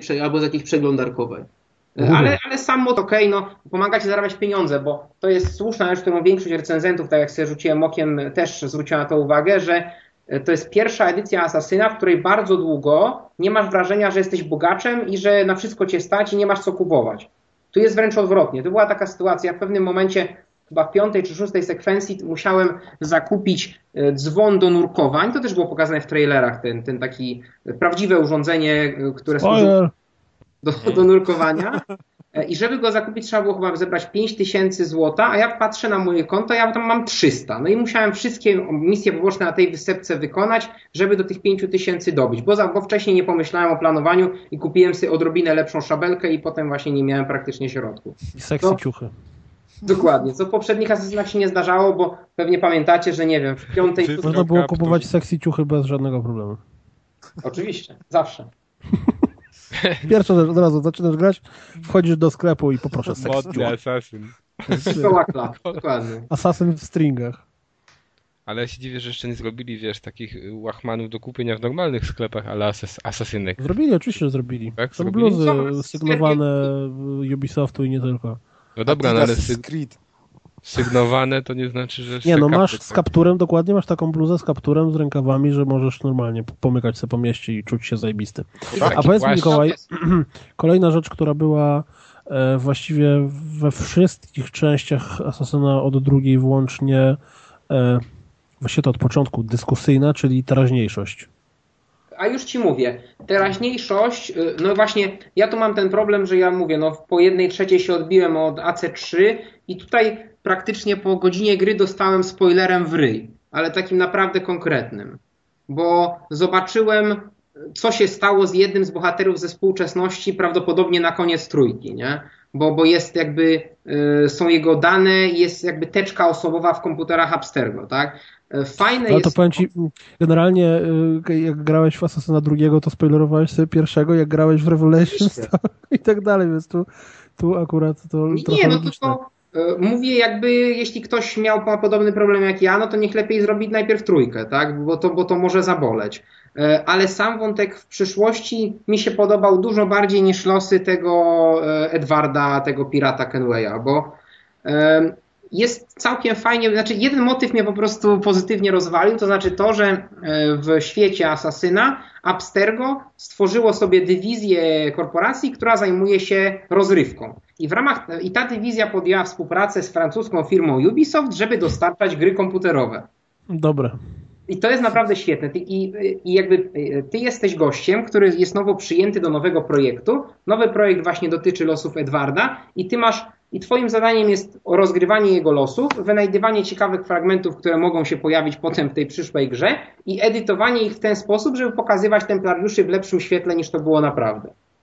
Ale poczekaj, jest... czy, y, na czym polega gameplay w przyszłości? Bo to było tak, że w trójce to, był, y, to było całe sterowanie przeniesione z z Conora na Desmonda, tylko bez znaczników życia i całej reszty. Ale generalnie sterowałeś nim prawie dokładnie identycznie. W Revelations były jakieś takie w, w, pierwszej osobie dziwne zagadki logiczne i latanie po dragach, coś w tym stylu. Tam w Brotherhood było chyba jeszcze co innego. W nie, w w ogóle... było to co w trójce, czyli Desmond biegał normalnie sobie po świecie, po dachach też mógł łazić, jak Monteregioni siedzieli bodaj w dwójce. Oni mieli to nie. Czy oni mieli w Monteregioni mieli bazę w, w Brotherhoodzie? Później to, chyba. Może Brotherhoodzie, no ale to było generalnie było trzecie osoby. Tu jest z pierwszej osoby. Łazisz sobie po, generalnie jest to główną, główną lokacją jest właśnie biuro Abstergo Entertainment. Po różnych piętrach można windą jeździć, jak się dostanie do nich dostęp i e, tam na początku gry też, to też nie jest wielki spoiler, kontaktuje cię gostek, który zajmuje się IT, którego nikt podobno w twoim dziale tych testerów nie lubi i on ci proponuje, że może ci dać dostępy, żebyś mógł sobie pohakować komputery kolegów i koleżanek. No i to jest. porno zdjęć znajomych z pracy. No i tam właśnie dostajesz tym spoilerem dotyczącym love jednego z głównych bohaterów serii na, na wejściu, a potem dostajesz różne ciekawe informacje, które gdzieś tam powiedzmy uzupełniają wiedzę na temat uniwersum, tak? Także to jest spoko. Generalnie przyszłość jest fajna. Pojawiają się też później bohaterowie, których znamy w różnych rolach, których się nie do końca spodziewamy, także tu już nie będę psuł. Generalnie na plus. Wątek jest, nie, jest, nie zajmuje dużo, więc jak ktoś tego nie lubi, to nie jest problemem, ale moim zdaniem jest bardzo fajny. Okej, okay, no a powiedz e, jeszcze odnośnie grafiki. Bo, no nie wiem, dla mnie w niektórych momentach już trójka wyglądała tak outdated. Woda jest. A tutaj? Woda, woda? Jest, woda jest zaskakująco brzydka, tak? Ja się nie spodziewałem, że w grze, której powiedzmy 60% odbywa się na wodzie, czy 50%, że można zrobić tak brzydką wodę. Także to jest duży mój zarzut. No dobra, powiedz jeszcze właśnie o grafice ogólnie, a druga rzecz o miastach. Dobra. Znaczy w sensie wiesz, czy one miasta. bardziej... Czy chodzi znaczy, no, czy, czy to jakoś w jakimś stopniu, w jakimkolwiek stopniu przypomina te stare asesyny? To ja zacznę od miast, bo miasta były dla mnie największą bolączką. Wiem, że podobnie było w Trójce, ale tutaj to mnie znowu ubodło, że miasta są no, niziutka zabudowa, mało obiektów, niewiele biegania po dachach wspinanie to zwykle jest, e, jakby obiektem do spinaczki jest albo jakiś maszt wraku statku, który akurat przypadkiem leży przy plaży i stanowi najwyższy punkt na danej wysepce, albo jak jesteś w jednym z tych trzech miasteczek, czyli w Nassau, Hawanie i w Kingston, bo to są te trzy główne, jakby trzy główne lokacje miejskie, to tam tak naprawdę najwyższe kościoły to są wysokości zwykłych kramików kupieckich w Wenecji, tak? A czy wszystkie drzewa wyglądają tak samo? Znaczy, o co mi chodzi? W trójce było tak, że wszystkie drzewa, na które wchodziłeś, żeby zrobić synchronizację, były dokładnie takie same. Czyli jeżeli raz znalazłeś metodę wchodzenia na to drzewo, to później na każde, gdzie było trzeba robić synchronizację, wchodziłeś dokładnie identycznie. Wiesz co, tutaj... Z tymi samymi gałęziami i z y, tym y, gniazdem no tak. orła na szczycie.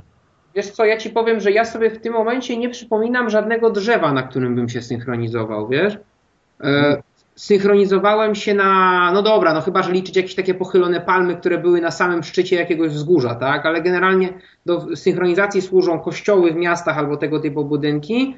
Na wysepkach najczęściej właśnie takie stojące maszty, które są pozostałością jakiegoś wraku statku, który tam jest zakopany, które są faktycznie najczęściej takie same, albo jakieś wzgórze na, i na końcu tego wzgórza jakieś właśnie małe drzewko czy pochylona palma, na którą już jakby y, trudnością było dostanie się na wzgórze, a na, na to to już się po prostu wbiega, tak? Także w ten sposób to działa. No, lokacje miejskie, tak jak mówiłem, no są, są jednak, y, no nie są, nie są, nie są tym, co, co ja w Assassinach lubiłem, także to dla mnie był duży, duży minus. A sama grafika nie było źle, to znaczy e, na pewno gra jest bardziej dopracowana pod względem graficznym i takiego powiedzmy niezbagowania w porównaniu do powiedzmy Revelations, które dla mnie było koszmarkiem, jeśli chodzi o błędy. Ja pamiętam, że tam tych przekłamań i błędów było dużo, tutaj było tego dużo, dużo mniej, także tu na plus. Mam wrażenie, że tutaj kwestia chyba też, że mniej zespołów naraz to robiło, bo ja pamiętam, że Revelations to chyba 4 czy 5 zespołów na całym świecie robiło. Tu chyba tych twórców było trochę bardziej, byli zbunkrowani, dzięki temu ten produkt był bardziej dopracowany. Mhm. Nawet nie wiem, co tu, o co się jeszcze pytać. No generalnie... Warto, nie warto. Inaczej, czy twoim zdaniem, jeżeli e, ktoś nie jest ultra mega fanem, bo tacy od razu kupią, to warto poczekać sobie na wersję na Next Geny, czy nie? Warto poczekać na wersję na Next Geny, a najlepiej to na przecenę wersji na Next Geny, jeśli mam być szczery. Okej. Okay. Bo Czyli na Steam można. Sale. Czyli używać najbardziej e, tej uniwersalnej e, oceny rozgrywkowej, czyli można. No ale powiedz mi, a dlaczego tak to oceniasz? Bo mówisz, że generalnie ci się podobało, tylko te miasta takie, no nie w twoim typie, można powiedzieć? To znaczy, już mówię, dlaczego można, ponieważ yy, jest najfajniejsze w tej grze dla mnie, bo mówię, krótki wątek w przyszłości, pięć pobocznych misji zabijania asasynów, a cała reszta była dobra, tak? Ja nie chcę tej gry ostro krytykować, bo ona jest bardzo dobrym rzemiosłem, tylko że ja nie jestem jakimś mega fanem piratów, także ten, to wszystko, co zostało do klasycznego asasyna doklejone, mi się podobało średnio, a to, co było dla mnie dobre i co było dla mnie fajne, jakby takim magnesem do poprzednich części, jest albo ograniczone jak właśnie miasta, albo jest tego mało jak typowo skrytobójczych czy skradankowych misji. Nie wiem, czy w trójce już, o, to jest jedna rzecz, która mi się a propos skradania kojarzy. Nie wiem, czy w trójce już było klejenie się do osłon, do rogów i tak dalej. E, chyba hmm, było. Chyba, znaczy, chyba było. Tu jest to się... dobrze zrealizowane. Tu naprawdę jest to fajne, że fa faktycznie można sobie się przykleić do jakiejś tam szopy, zagwizdać na gościa. On, jak trzy razy gwizdniesz, to się wreszcie zorientuje, że gwizdżesz i przyjdzie i tam go wtedy z kolanka i, i za róg chowa, tak? Automatycznie. Osła? Słucham? Osła? Masz osła? Co to? Z jakiego osła? E, nie, Ach, nie, przepraszam, bo ja zrozumiałem, tak, że nie jak osła. gwizdniesz, żeby... Czekajcie, to nie jest bez sensu, bo mi się przypomniało od razu w trójce, bo trzy razy lepszym asasynem od Konora był jego koni. Bo możesz oglądać, jak konia nigdzie nie masz, zagwiżdżesz, od razu się pojawia, wiesz, nie wiem, czy z drzewa, czy umiał się teleportować, czy co. I przez pół sekundy wydawało mi się, że ty mówisz o tym, że masz osła, którego no jak gwizdniesz, to przychodzi, a nie, że gwizdnięcie przywołujesz kogoś, komu sprzedajesz y, chla, chlasta tak zwanego. Okay. późno jest już powoli dla mnie. Starość radość. To jest chyba sygnał, żeby zakończyć, zakończyć temat Asasyna. Bo już nudzę. Czyli znaczy się dobra, no to z tego co to jest dobra... Preferujesz podejście chyba tak jak ja myślę o tej grze, że kiedyś w nią zagram na Next Genie i niekoniecznie za pełną cenę. Ale kurde, właśnie zauważyłem, że na niezgranych y, trójkę Arek zrecenzował i dał ocenę bierz za każdą cenę, a teraz czwóreczka ma poczekaj na przecenę, to by wychodziło, że jest gorsza od trójki, co mnie bardzo martwi. Ale ja bym nie powiedział, że trójka to jest bierz za każdą cenę. No właśnie ja też, ale to już na Arka zwalimy, że to jego... Ale wiesz, nie da się porównać y, ocen różnych osób, tak? Jakby no i jeszcze tak, no to wiadomo. No wtedy, a tak to ciężko. Tak, troluje tylko. Oj tam, oj tam. Okej, okay, to jedziemy sobie dalej w takim razie i pojedziemy teraz Killer is Dead. Jak tam twój Killer is Dead, Piotrze? Nie podoba mi się. Znaczy, okej, okay, dobra, to jest za, za szybko i za mocno powiedziane. Eee, generalnie to jest gra ewidentnie dla koneserów sudy bo ja nie jestem za bardzo i niestety na pewno fajny jest klimat, taka wyjątkowa estetyka, to jak to wygląda, jak się rusza, pewne rozwiązania bardzo górnolotnie mówiąc fabularne, czyli to, że naprawdę, to mówiąc o fabularnych rozwiązaniach, to jest tak, David. tak trochę na siłę. Natomiast kompletnie, ale to kompletnie nie przemówiła do mnie gra sama w sobie, w sensie to, jak naciskałem guziczki na padzie. I na tyle, że jak po prostu nie spodobał mi się ten system walki, który tam jest, a mimo wszystko jednak czysto teoretycznie ta gra jest slasherem. Więc jeżeli w slasherze totalnie mi nie podchodzi system walki jednoguzikowy, czy tam dwuguzikowy, bo jeszcze można robić uniki, to znaczy, nie... Do... tam jeszcze możesz korzystać z broni. No z broni, tam się przełączać. Znaczy okej, okay, no nie dobra, on nie jest, nie jest prostacki, ale po prostu kompletnie do mnie nie trafił. Może dlatego, że ja nigdy nie byłem wielkim fanem slasherów yy, i grałem właściwie tylko tam w jakieś Devil May Cry czy innego dowory i tam mi się grało spoko, jednak tutaj jest dużo, dużo prościej i, i specyficzniej. Mm, może dlatego, że on nie jest jakiś rewelacyjny, nie wiem. Znaczy w ogóle on jest prosty. To jest gra, w której się prawie że nie ginie. Ja tam miałem przez całą grę chyba sytuacje takie, że bo generalnie to wygląda tak, że jak e, giniesz, to możesz wykupić sobie życie dodatkowe. Ale musisz mieć wcześniej w sklepiku kupione takie bileciki, które ci to umożliwiają.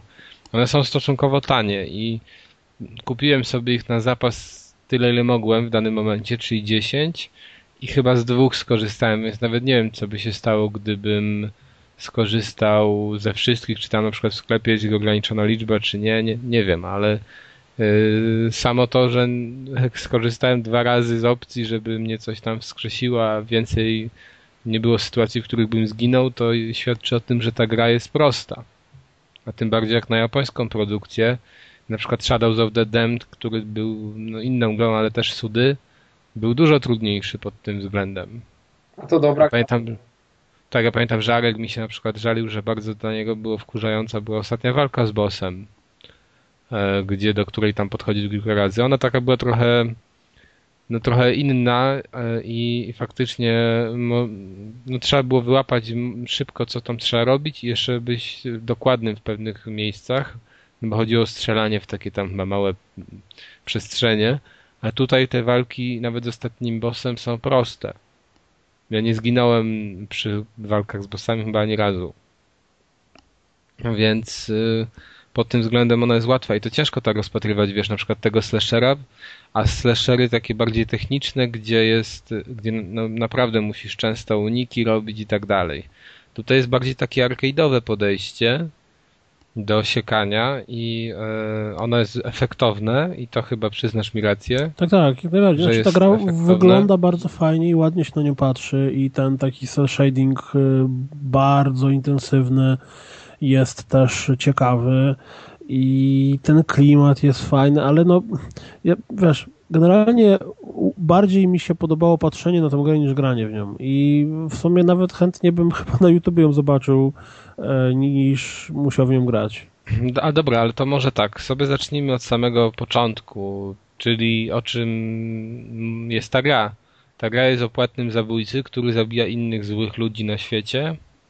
E, pracuje w takiej agencji, która się zajmuje właśnie e, zabijaniem przestępców, tak to chyba można najlepiej określić, i e, która działa w świecie przyszłości.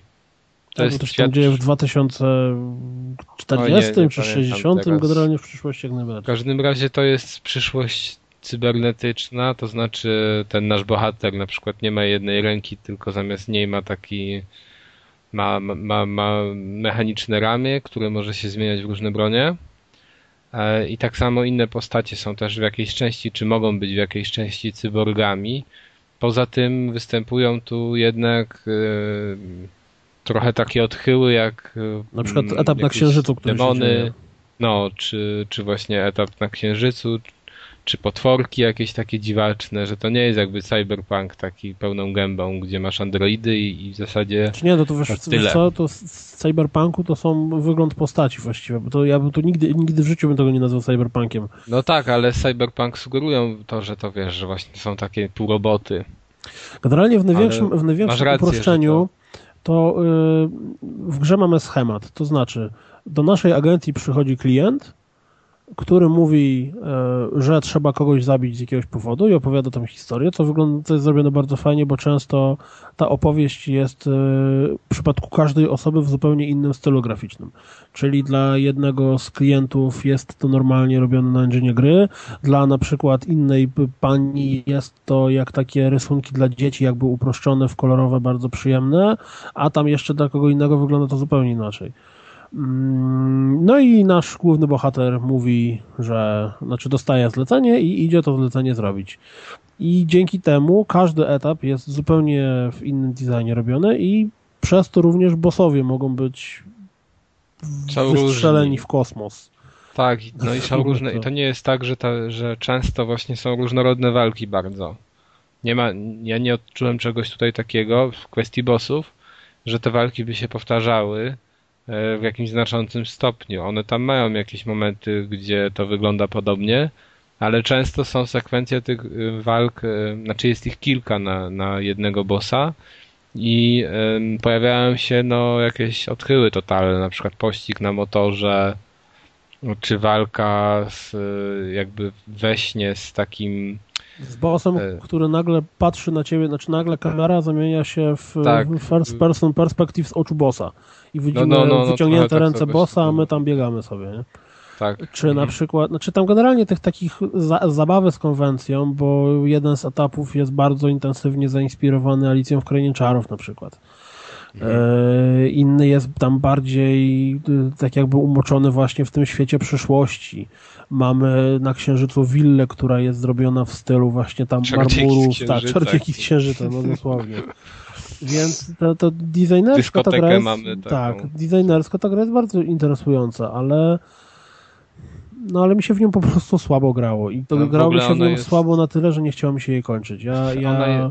przeszedłem jakieś, nie wiem, połowę, może trochę więcej, ale chyba no... połowę miałeś. No, coś koło tego. Ja tam po prostu jeszcze pograłem chyba jeden czy dwa etapy. Znaczy, dobra, ja powiem tak jeszcze, bo nie powiedzieliśmy tego, że to jest gra właśnie tak, jak ty powiedziałeś, że bierzemy zlecenie i jedziemy na misję i te misje są w zasadzie etapami zamkniętymi w bardzo wąskich korytarzach. Pojawiają się czasem takie urozmaicenia typu, że mamy troszeczkę bardziej otwartą przestrzeń, ale wygląda to w ten sposób, że jest ona otwarta, ale podzielono na mniejsze korytarze.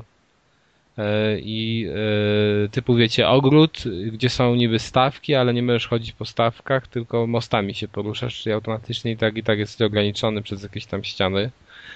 I to jest, y, to może niektórym przeszkadzać, że ona jest bardzo zamknięta. Kolejna sprawa, no mi, y, mnie osobiście ten gameplay, czyli to siekanie samo w sobie przypadło do gustu, bo jest efektowne, to nam obydwu, znaczy obydwoje tak, obydwaj tak myślimy.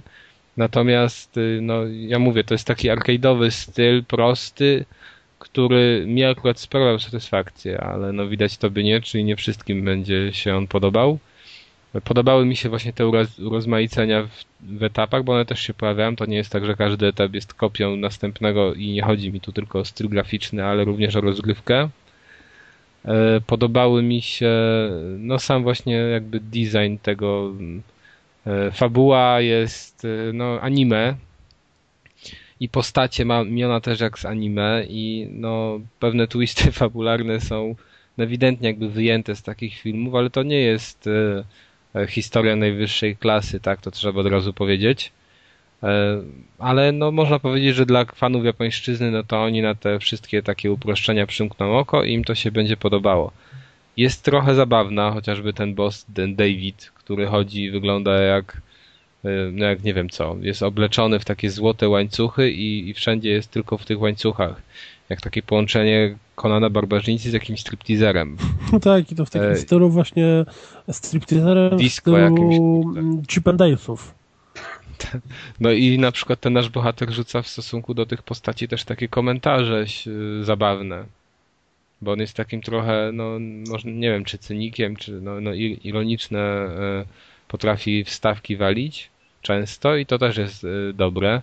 Oczywiście palą, bo to w grach sudy zawsze palą, czy w japońskich grach palą. Mówię o papierosach. E, są jeszcze te misje dodatkowe, czyli mamy jakieś wyzwania, które to są fajne i ja je starałem się robić, bo one też są unikatowe. Powiedzmy, możemy sięgnąć po działko takie do strzelania i wystrzeliwać potworki, e, czy też e, musimy poszukać i rozbić wszystkie jakieś tam wazy ukryte gdzieś, czy musimy omijać na motocyklu różne przeszkody.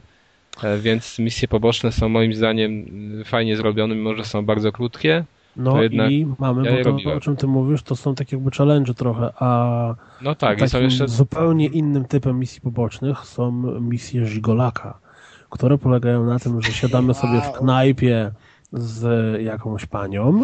Znaczy nie e, tylko w knajpie. Znaczy faktycznie w, w jakiejś lokacji z panią e, i musimy Mm, patrzeć jej na biust albo na, Powiedz, na Piotrze, łono. Jak, jak, jak należy zdobyć kobietę? Tak, właśnie. Jak, jak należy zdobyć kobietę według, według sudy. A więc trzeba patrzeć y, pani na piersi albo na uda. Ale kiedy nie widzi. ale tylko kiedy nie widzi, nie może nas na tym przełapać, dzięki czemu rośnie nam nazwijmy to nasze, potencjał. nasz potencjał i w momencie, w którym potencjał sięga zenitu, wtedy musimy zaskoczyć ją jakimś prezentem. I najważniejsze jest to, żeby dać taki prezent, który jej się spodoba. I jeżeli trafimy prezentem, czasem wystarczy raz, czasem dwa, czasem trzy razy. Czasem guma do życia wystarczy. Tak, nawet. czasem wystarczy guma do życia, jak odpowiednio no. mocno nam potencjał podrośnie, to wtedy pani stwierdza, że absolutnie natychmiast chce iść z nami do łóżka.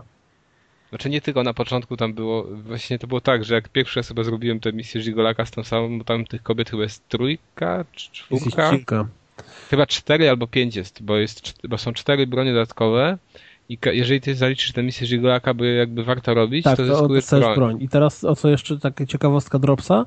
Mm, jest do zdobycia w grze przedmiot, który tam wymaga zrobienia chyba wszystkich challenge, nie wiadomo co, ale również można go zdobyć za pomocą wpisania kodu, który jest dodany do nowej kopii gry, e, to znaczy okularów Żigolaka, dzięki którym partnerki są w bieliźnie samej. Hmm. Ale to też wyglądało tak, że na przykład, y, mm, bo wiecie, bo, bo to jest trochę w ten sposób, że ty robisz misję na przykład z jedną dziewczyną, no i ona się kończy sukcesem i dostaje żadnej broń. E, I później w zasadzie nie musisz dalej robić z nią tych podchodów, e, a ona ci jednak dzwoni, na przykład podczas trwania misji masz, wyświetla się taki, wiecie, pasek, że dzwoni do ciebie ta i ta i dlaczego do niej nie przyszedłeś, żebyś ją odwiedził. No to poszedłem drugi raz do tej samej dziewczyny. Identyko ta misja tak samo wygląda jak poprzednio. E, ale kończy się tak, że ta scenka późniejsza, czyli to, co już było po tym daniu prezentu, gdy ona się zgodziła, jest jakby dłuższa i bardziej szczegółowa. Okej. Okay. Więc to jest taka jakby zaleta dla wszystkich. Czy generalnie jak to mieliśmy japońskich kształtów w przypadku anime. tej tam e, Lollipop Chainsaw, gdzie był Sex Cells, to to też jest trochę Sex Cells. To znaczy, no jest ten motyw z podrywaniem panienek i spania z nimi, czy też zdobywania broni, jak to mówi Kas. Zdobywania broni, to dobrze. Ale generalnie można sobie rzucić okiem na YouTube, jak to wygląda i... i znaczy, generalnie to te misje są bez sensu. No, są totalnie bez sensu szczerze, i w ogóle nie są fajne. Są mega nudne. Bo, bo, głupie, bo ta, tak, ta, ta, mechanika tego patrzenia na cycki jest, jest no bez sensu, tak kompletnie. Bo, bo nawet nie do końca masz wyczucie, y, kiedy on na ciebie patrzy, a kiedy nie. Bo nie widzisz wtedy jej twarzy, nie? Bo się patrzysz na No, to wiadomo. no, czyli to nie wiesz, że na przykład na głowę. No, ale też yy, ona jest na przykład dłuższa niż Lollipop Chainsaw, bo Lollipop Chainsaw był tam chyba 4 godziny trwał. O ile się tak, no 4, 5, wydaje mi się, że w 4 to zrobiłem. Yy, w 4 to zrobiłem. Tak. Yy, długodystansowy, jest to dobrze. No a, no a tutaj jest to zabawa na 8-9 godzin. Wow, panie. Ja miałem bodajże na liczniku 9, 9 coś, 9 z minutami, no ale ja robiłem jeszcze te misje poboczne też. W każdej spróbowałem, nie każdą zrobiłem, bo niektóre były no wkurzające, jak chociażby jazda na motorze, gdzie wydawało się fajnie na początku, ale później się okazało, że ciężko jest tam ją ukończyć. Nasza ulubiona zaprzyjaźniona strona How Long to Beat mówi, że main story trwa 7 godzin, a main plus extras trwa 10 godzin. No to, to tak wychodzi, że 9 godzin parę minut, jeżeli się próbuje robić te misje poboczne. E, moim zdaniem to jest całkiem fajna gra. Jeżeli się jest fanem Sudy, to powinno się ją kupić. Jeżeli się nie jest fanem Sudy, to i tak e, no chyba rzadko kto ją ktoś spróbuje, bo wiadomo, że takie, takie gry to trafiają raczej do fanów japońszczyzny, a jeżeli nie, to przypadkiem do kogoś innego. Jeżeli trafi ona do Was przypadkiem, to warto ją sobie włączyć i to jest takie moje zastrzeżenie, bo jak ja ją odpaliłem i przyszedłem jakąś tam, znaczy jakieś może 40 minut czy 30 minut, to też mi się odechciało grać. To było takie, pierwszy raz tak miałem z tytułem Usudy, no oprócz no More Heroes na Wii, gdzie dwójki akurat, gdzie mi to sterowanie zupełnie nie podeszło. Nie lubisz machać ręką górę-dół. Nie umiem machać ręką w tym właśnie No More Heroes. Ja tylko powiem, że mówisz, że trafi tylko do fanów japońszczyzny i sudy. Ja powiem tylko, że o potencjale tego tytułu na polskim rynku świata, tak. że nie był w stanie znaleźć oficjalnego dystrybutora, mimo tego, że firma zachodnia, która go wydaje, ma umowę o stałej współpracy z jedną z polskich firm dystrybucyjnych. To mimo tego ta firma się nie zdecydowała nawet, żeby wziąć jakieś 200 czy 300 kopii i rzucić do Empików, także... Znaczy prawdopodobnie w ogóle u nas tylko w Polsce w sklepach internetowych to Ultima to miała. No tak, bo sobie ściągnęła po prostu z hurtowni zachodniej. No tak, tak, ale sam jestem ciekaw, ile tego mogło zejść u nas kopii. Może nie ile kopii, wiadomo, że jak ktoś sprzedaje, to później inny kupuje używaną, ale ile osób, ile osób w to zagrało w ogóle? Jak zagrało w to 500 osób, to podejrzewam, że to będzie sukces. Ja sądzę, że właśnie, nie wiem, ja bym tak strzelił sobie setkę no, to już jesteś bardzo pesymistą. Słuchajcie, dobra, to może, to może dalej. Dobra, no w każdym razie ja, ją, ja powiem szczerze, że mi się to spodobało. Po tych 40 minutach odechciało, później coraz bardziej podobało i no, ja bym polecił. No ale to mówię dla fanów japońszczyzny, inni to raczej nie mają do czego szukać. A, Piotr, ja nie wiem jak u ciebie jest. Znaczy, ja mówię, mi się ta gra bardzo podobała. Ale nie w sensie z japońszczyzną. A, ja lubię, lubię. Tak, sushi no zawsze, właśnie. nie? Nie, widać nie nawet dla wszystkich fanów japońszczyzny. No. Dokładnie. Niestety. Okej. Okay. To jedziemy dalej. Y, GTA Online. No tak. Mamy coś do powiedzenia? No ja grałem nie, trochę. Ja... Macie grałeś? Nie.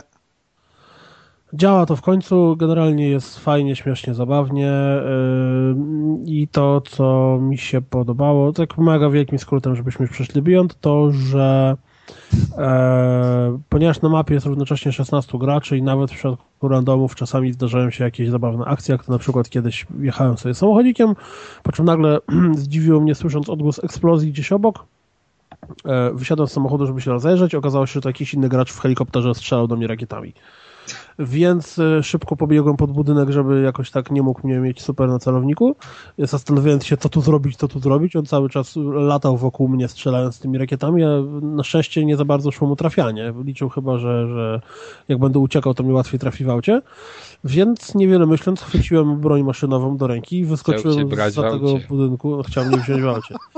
Wyskoczyłem za budynku e, i zacząłem strzelać do niego, dzięki czemu helikopter zaczął dymić, więc prawie go rozwaliłem. Na co on wylądował na dachu pobliskiego budynku i siedział tam, dopóki ja sobie nie pojechałem, bo się bał, że, że mu zastrzelę ten helikopter do końca. O. Więc generalnie jest zabawnie potrafi być zabawnie. Jeżeli ktoś ma z kimś pograć, to, to, to absolutnie trzeba spróbować, bo, bo w parę osób to już jest zabawa bardzo duża, a tak nawet z randomami z internetu może być coś fajnego, co tam się dzieje. Nie wiem, w innym momencie było tak, że jechałem sobie samochodzikiem i nagle zobaczyłem, że na ulicy dwóch panów do siebie strzela, tak stojąc naprzeciwko siebie. To jednego rozjechałem, a drugiego próbowałem ustrzelić.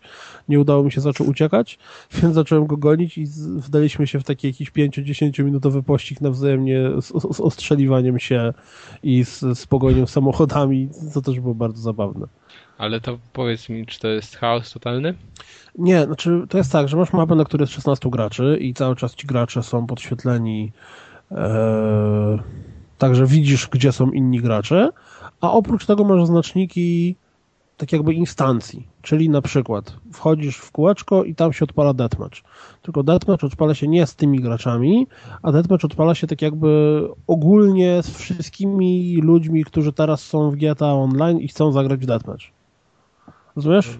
No, czyli, czyli dobra, czyli tak jakby... z setką graczy na przykład zagrać? Nie, nie, no tam te, te wszystkie mapy są ograniczone, czyli są y, w cudzysłowie misje, czy też tam tryby gry tam w 4 osoby, w 8, w 16 chyba jest maksymalnie, ale sens polega na tym, że, że masz jakiś 16 graczy, który jest z tobą równocześnie na mapie miasta, mhm. a w momencie, w którym wchodzisz do, nie wiem, a to wyścigu, a to jakiejś misji fabularnej, a to właśnie deathmatchu, a to jakiś tam walk, e, to wtedy niekoniecznie ci sami gracze, którzy są z tobą na mapie, muszą z tobą w to grać. Ale jaki to jest sens, powiedz? Znaczy sens jest taki, znaczy, ja, że... Powiem szczerze, że ja nawet nie czytałem za bardzo o tej grze, znaczy, nie, no sens jest, wydaje mi się... GTA nawet. Ja nigdy w życiu nie grałem w żadne MMO, ale to chyba działa na tej zasadzie, że masz e, miasto, które jest czymś w rodzaju huba, gdzie są ludzie siedzący cały czas i jak wchodzisz do jakiejś tam e, e, tak jakby trybu gry konkretnego, czyli właśnie, nie wiem, chcesz rozegrać deathmatch, albo chcesz jakieś wyścigi, albo coś tam,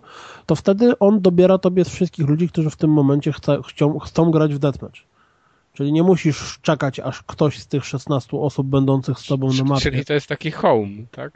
No tak, coś, coś, coś w tym stylu. GTA Home. A pokazują tam trailery gier sprzed pół roku, jak w Home'ie? Nie, nie, nie. nie. Natomiast... Pola... lataliście samolocikami w Home'ie? Red Bulla? Fajna gierka. Jak ktoś jeszcze nie próbował, to polecam. Natomiast nie zmienia to faktu, że... A na Xboxie jest grał Doritos. Przepraszam. Sa samo w sobie to, to bieganie po mieście, zwłaszcza w ekipie jakichś tam znajomych, może być bardzo zabawne. No a te, te, te tryby gry typu wyścigi Ale... czy, czy deathmatch hmm. są, no, są okej. Okay. No, możecie mi wyjaśnić tylko jedną rzecz, tak? Bo jakby tę grę się trakt... Nie wiem, czy Rockstar tak to potraktował jako coś osobnego od GTA? Tak. Czy, tak. czy, no, no, znaczy to jest tak, że tworzysz to jest, postać. Czym, może czy to się czymś różni od innych y, trybów multi w innych grach? E, tak znacząco czy... od tej, wiesz, od... Y, znaczy samej w multi nie wiem, na przykład w strzelaninkach masz jakąś fabułkę, a strzelaninka polega na tym, znaczy a multi polega na tym, że strzelają gracze do siebie nawzajemnie na E, na no, że nie ma fabuły, nie? A no. tutaj w samym sobie mieście też masz fabułę, to znaczy jak stworzysz postać, co też jest zrobione zabawnie, bo nie masz po prostu jakiegoś tam edytora, tylko wybierasz sobie jak wyglądali twoi rodzice twojej mamy, rodzice twojego taty, przez to z automatu jest losowany twój tata i mama, przez to z automatu jest losowany to jak ty wyglądasz więc edytor hmm. postaci jest trochę przekombinowany i oprócz tego dobierasz sobie, co lubiłeś robić w wolnym czasie, czy lubiłeś się lenić i tak dalej i z tego wynikają twoje statystyki postaci w grze samej w sobie. Bo w GTA, o czym nie wiem, czy wszyscy wiedzą, czy wszyscy nie wiedzą, ale jeżeli postać miała bardzo niskie sterowanie samolotami, to tobie jako graczowi było dużo trudniej sterować samolotem niż postacią, która miała wysoką statystykę. I te statystyki również przekładają się na online. Czyli jeżeli masz gościa, który nie umie jeździć, to dużo trudniej tobie panować nad autem. Czyli albo na przykład jeżeli masz kogoś, kto nie umie latać helikopterami, to wtedy dużo mocniej podmuchy wiatru wpływają na ten lot tego helikoptera.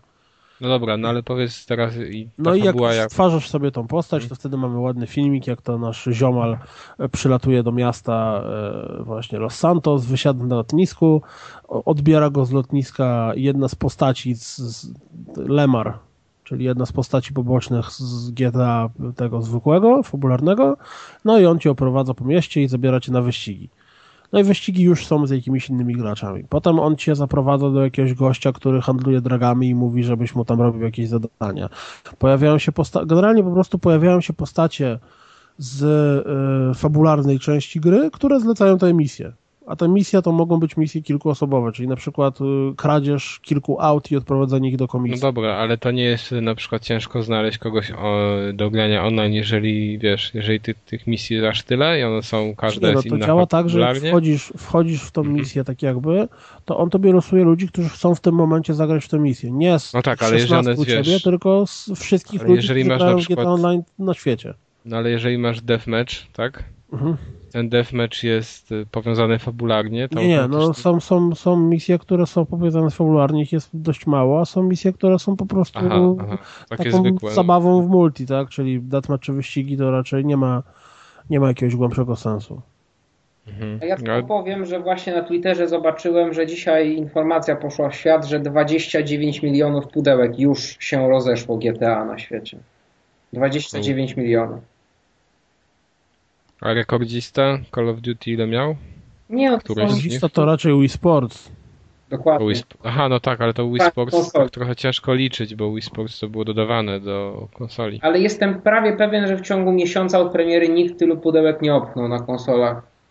Jestem prawie pewien. No w każdym razie wynik, wynik niesamowity, tak? No, porównać to sobie, nie wiem, z 5 milionami Tomb Raidera, czy z 8 milionami Uncharted, tak? Mm. Czy z 200 To- to- tysiącami Raymana Legends. Czy z Witą? Widzicie to teraz jak chcecie wydać konsolę, to trzeba to Rockstar uderzyć. To na pewno. Ale zobaczcie, nie? jak na przykład PSP było i wyszło to GTA, to ciekawy jestem, czy były statystyki, jak podskoczyła mi sprzedaż konsoli. Ja wiem, co teraz to- będzie. Teraz, teraz wyjdzie Steambox i będzie GTA 5 na PC tylko na Steamboxy. Na uje! Nie, tylko na Steamboxy. i- Będzie ujowe.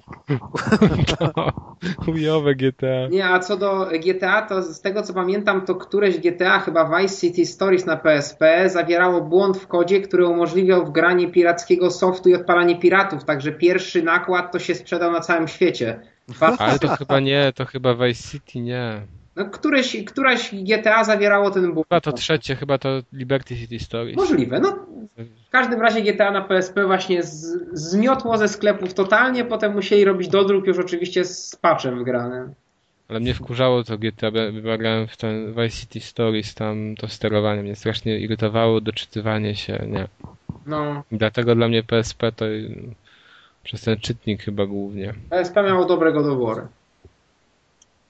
No ja nie, ja powiedzmy sobie szczerze, nie chcę sięgać po godowory. Po dobre gry. To co, jak ekskluzywy od Sony, to może do gry na B.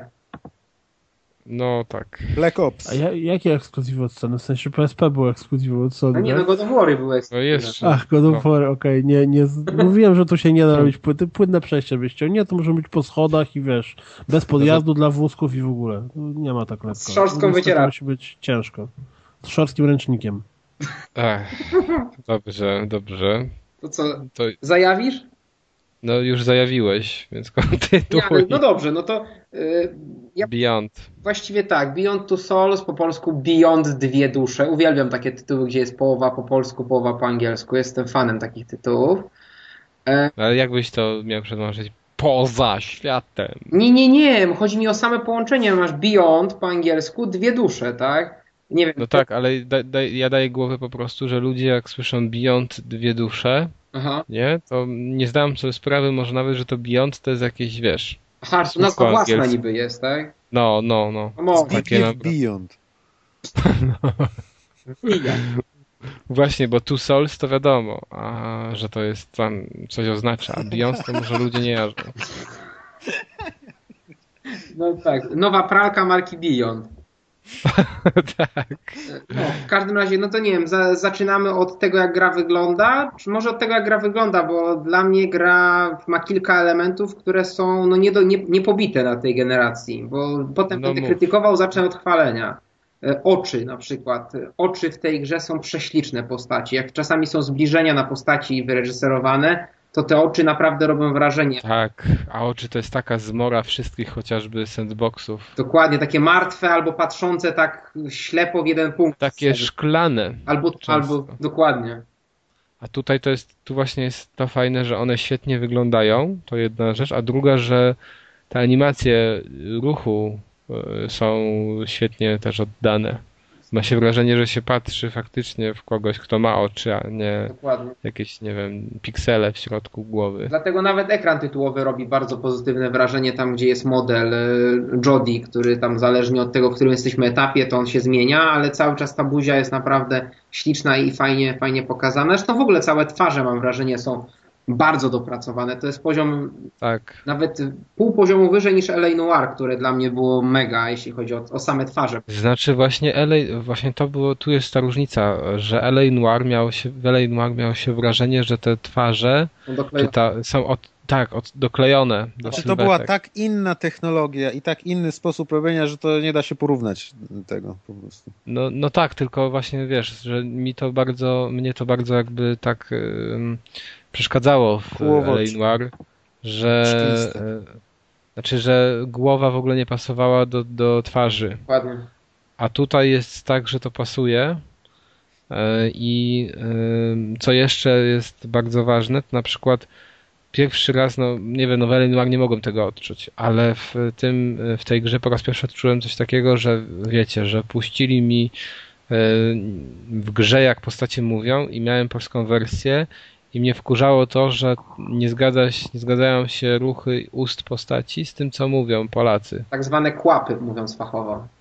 Czyli, czyli, czyli trochę to przypominało filmy pod tym względem, że jak się film dubbinguje, to nie da się tak idealnie dobrać te, te, tej mowy naszej do ruchów warg, a jeżeli chodzi o bajki, czyli wcześniej gry, to się dało to zrobić. Prawie bezboleśnie. Jeśli już wspominasz o polskiej wersji, no to trzeba powiedzieć o tym, o co żeśmy sobie przed, przed nagraniem dyskutowali, czyli o tym, że polski, z polskich głosów najlepiej został dobrany Murzyn. Co jest dość absurdalne, ale obaj mieliśmy takie wrażenie. Trzecioplanowa postać w zasadzie. Bardzo fajna postać. Moim zdaniem najbardziej sympatyczny bohater całej gry. Miałem do niego najwięcej sympatii i w sumie to bardziej obchodziły mnie losy jego niż, niż Jody czy, czy doktorka.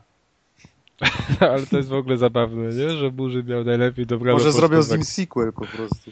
Ale po prostu, według mnie w tej polskiej wersji postawiono na e, znane osoby. I to był błąd. Bo po pierwsze, Socha w ogóle mi nie, w ogóle mi nie pasowała. Socha była słaba, po prostu była słaba. Po prostu źle, źle jej to wyszło. Natomiast Więckiewicz, no to zupełnie głos nie pasuje do e, tej postaci, którą odtwarza. Ja nie umiałem sobie, nie wiem, tego złożyć w jedną całość. Znaczy, bo tak, bo na pewno Robert Więckiewicz jest na pewno dobrym aktorem, tak? I on tam fuszery nie odstawił, tylko że po prostu miał, no, mierzył się z Willemem Defoe, tak? Jednym, nie wiem, top 10 najlepszych aktorów na świecie, no to jest... Ale to już nawet nie, nie wiesz, nie o to chodzi, z kim się mierzył, tylko o to chodzi, że no tam Willem Dafoe występuje w tej grze i ciężko... Twarzą, jeden do jednego tak naprawdę. No tak, no mhm. ciężko jakby nie mieć, no masz go przed oczami, a gada ci Więckiewicz, no ten głos nie pasuje Czy nawet do, wiesz, do... No, no to, to, to nie pasuje, nie, no nie Węsa, ale nie pasuje ci po prostu głos do tej sylwetki, którą tak. widzisz, do tej twarzy. Zupełnie nie dobrali. A poza tym, ona ma jeszcze takie błędy, że gdzieś tam, y, no wiecie, że są te sesje, że dogrywali sesję że jest jakieś zdanie i on, nie, on mówi pełne zdanie i za chwilę dodaje coś innego i na przykład słychać, że to jest zupełnie innej sesji, bo trochę emocje inaczej brzmią, czy też yy, nawet głośność nie jest. Inno. Tak. I to jest pierwsza gra od Sony e, z tych takich dubbingowanych, którą przeszedłem tak, że, że po prostu po chwili zmieniłem na angielski dubbing i tylko tam jeszcze w jednej sekwencji sobie włączę, a mówię, zrobię sobie całą sekwencję po polsku. A poza tym grałem po angielsku. Na przykład w y, tym, y, w The Last of Us to robiłem na odwrót, że grałem po polsku, odpowiadały mi te głosy i przełączałem czasami na angielski, żeby sobie porównać. Tak tutaj no jestem zawiedziony akurat tym tytułem, jeżeli chodzi o polską wersję. Może ona, może ona w sensie tłumaczenia jest ok, ale. Znaczy patrz, no... jeśli chodzi o tłumaczenie, to jest ok, bo ja grałem y, sobie, ja grałem po polsku, no bo chciałem do recenzji jakby zobaczyć polską wersję, bo to tak naprawdę no, czytelników, jednak dużo część czytelników interesuje, jak ona wypadła, więc grałem większość gry po polsku, ale miałem też włączone polskie napisy. E, mhm. Napisy, po to, żeby zobaczyć, jakiej jakości są napisy, nie? Mhm. No i napisy polskie praktycznie nie miałem uwag, tak jak na przykład The Last of Us y, kilka razy były głupoty w napisach, tak tutaj chyba się nie dopatrzyłem ani razu niczego. Raz było nieprecyzyjnie przetłumaczone, ale ja to yy, jakby no trochę pracuję jakby zawodowo w tej branży tłumaczeń, jeśli tam obserwuję jak tłumacze pracują, no to jak nie mieli pełnego kontekstu, to mogli się tego nie domyśleć, także to, to była taka akceptowalna mhm. pomyłka nie? Na, na tym etapie, także napisy są, są super, napisy bez, bez negatywnego komentarza jakiegokolwiek z mojej strony. Jeszcze mam, może wróćmy na moment do grafiki, bo to, co w ogóle mi się nie podobało i co mnie irytuje strasznie w filmach, to to, że wpleciono tutaj czarne pasy u góry i u dołu ekranu. A. I aż się no naprawdę zdziwiłem i pierwszy moment to był taki, że szukałem w ustawieniach, jak to zmienić. Oczywiście się nie dało, no prawdopodobnie to jakieś ograniczenia sprzętowe były, bo nie, nie wyobrażam sobie, żeby to było takie założenie twórców. Słuchaj, wizja że... artystyczna Davida Cage'a, why not? Tak. Tak, ale no to razi trochę ludzi przyzwyczajonych do, no wiadomo, do pełnego do obrazu. E, obrazu. Kupujesz duży telewizor, żeby go wy, wyeksploatować. No. To kupujesz no tak, jeszcze nie, większy telewizor. Ja, ja, właśnie tego, wiecie, powiem szczerze, nie rozumiem, bo na przykład kupuję czasami, mam jakiś film DVD i on też jest z czarnymi pasami. A nie, to ci powiem dlaczego. Nie mów, że sobie rozciągasz go wtedy. Po prostu. No nie, no co ty. To jest no, dlatego, bo Master został stworzony w formacie kinowym 22, to jest tak 22 na 9 chyba, kinowy no w każdym razie jest, y, nie. 23 na, tu jest, zaraz ci powiem, dokładnie 2, 3, 5 na 1.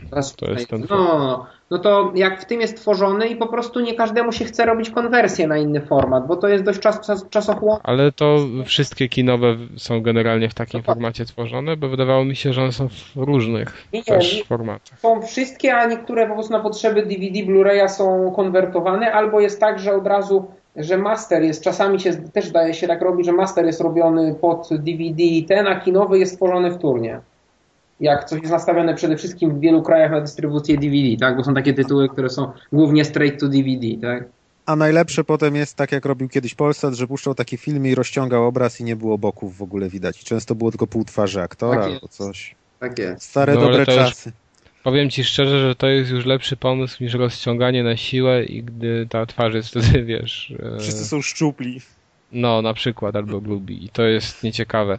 No dobra, to jedna taka wada. Druga, że no, twarze wyglądają świetnie i ciężko się przyczepić do takich, e, no, no nie wiem, ja bym się przyczepił pod względem jeszcze technicznym do tego, że tu bardzo często jesteśmy skazani na dane ujęcie kamery i widać to ewidentnie, że to jest koniec generacji, że oni nie mieli możliwości e, inaczej zrobić tego. Ale to też A co jest, jest irytujące. Że po prostu emotions masz odczuwać w wyniku tego. Ale te emotions były takie, że na przykład przypadkowo źle skręciłem gałką i nagle mi się przełączyła kamera i znowu źle skręciłem gałką, bo mi się przełączyła kamera w innym miejscu. No. I moim zdaniem to wiesz, to, to było, to jest na minus.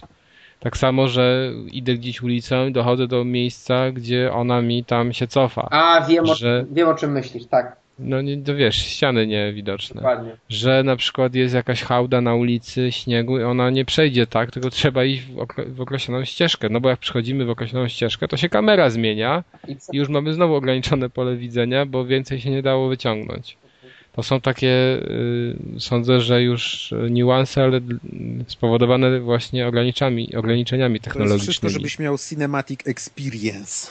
I, no i jest TM.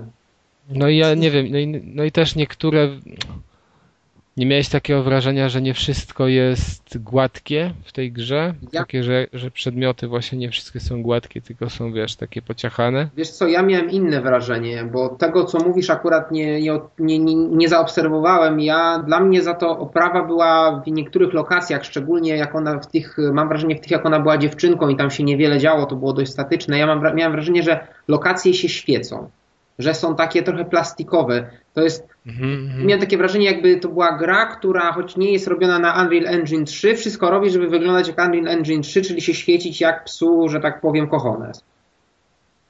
No może masz rację z tym, że to trochę sztucznie w niektórych miejscach wyglądało. Tu się zgodzę. Tam, gdzie był brud, tam, gdzie były jakieś efekty, jakieś wybuchy, to aż tak bardzo to nie było, nie wiem, jak na przykład te, tam była ta misja w tym kondensatorze, tak? Tam, gdzie były, był mhm. trochę działo i tam jakieś były stwory i nie wchodząc w szczegóły, no to tam miałem wrażenie, że tej plastikowości było mniej, było więcej tych efektów, więcej tam ognia, a właśnie tam, gdzie było spokojnie te, te, te świecenie i ta taka plastikowość się rzucała w oczy, niestety. Mhm. taka sterylność może też niektórych pomieszczeń. Zresztą bardzo często ta gra się dzieje w sterylnych pomieszczeniach i to można konwencją jakby tłumaczyć. No powiedzmy. Ale no powiedzmy, że moim zdaniem to w niektórych miejscach widać, że to nie tylko konwencja zadziałała. Ale dobra, mniejsze z tym. Mhm. E, to, to jeszcze warto dodać, może jeszcze odnośnie grafiki, że to nie jest tak, że ta gra się dzieje, bo jak się ją widziało na trailerach dwóch czy trzech, to ma się wrażenie, że jest jakiś tam las, że jest jakieś laboratorium i w zasadzie tyle. Oj nie. A ja tak, ja tak to odbierałem, powiem szczerze. Nie, nie, ale ja mówię, że masz rację, tak, a właśnie, no, no a, a, właśnie tutaj tych lokacji jest naprawdę sporo. Jest aż za dużo. Jest no za może nawet jeden barszczak dla mnie że tego jest bardzo dużo i tutaj naprawdę są różnorodne te lokacje. To nie jest tak, że one są do siebie podobne, bo są różne i czasami mamy bardzo zamknięte korytarze, wąskie, a czasami mamy na przykład otwartą przestrzeń. Pustynię.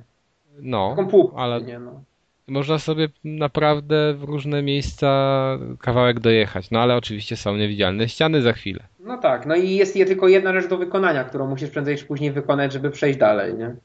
No tak, Nawet tak, ale... w pseudo sandboxie tam nie ma sandboxa, bo tam masz po prostu większy, większy, szerszy tunel, gdzie możesz sobie faktycznie pooglądać drzewka z różnych stron, no i górkę. Tak, ale tutaj właśnie to jest, jest trochę takie wrażenie, że jest otwarte, wiesz, tak. nie? Że stoisz właśnie na pustyni chociażby.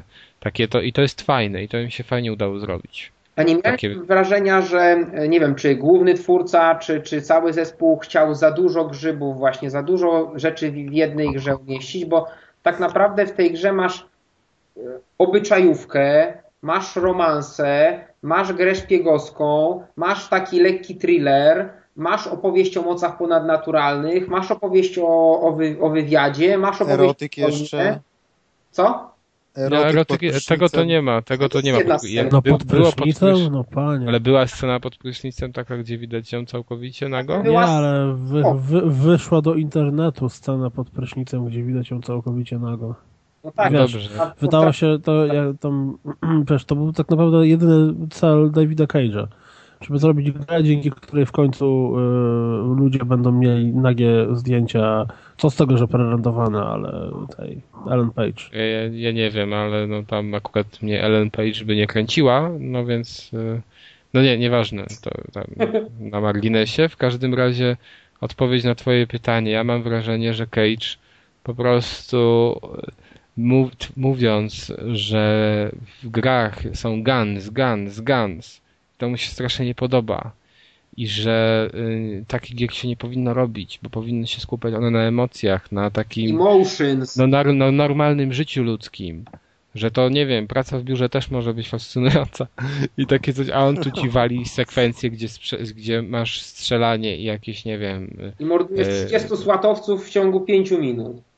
No powiedzmy, później jeszcze mordujesz innych tam niesłatowców w przeciągu tam iluś tak. minut. No i to jest takie trochę, no nie pasuje według mnie.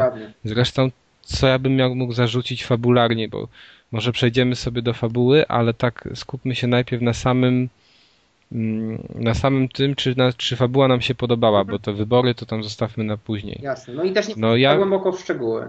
Tak, ja, ja miałem tak, że Heavy Rain, na Heavy Rain strasznie czekałem. Podobało mi się to Indigo Prophecy, czy tam Fahrenheit.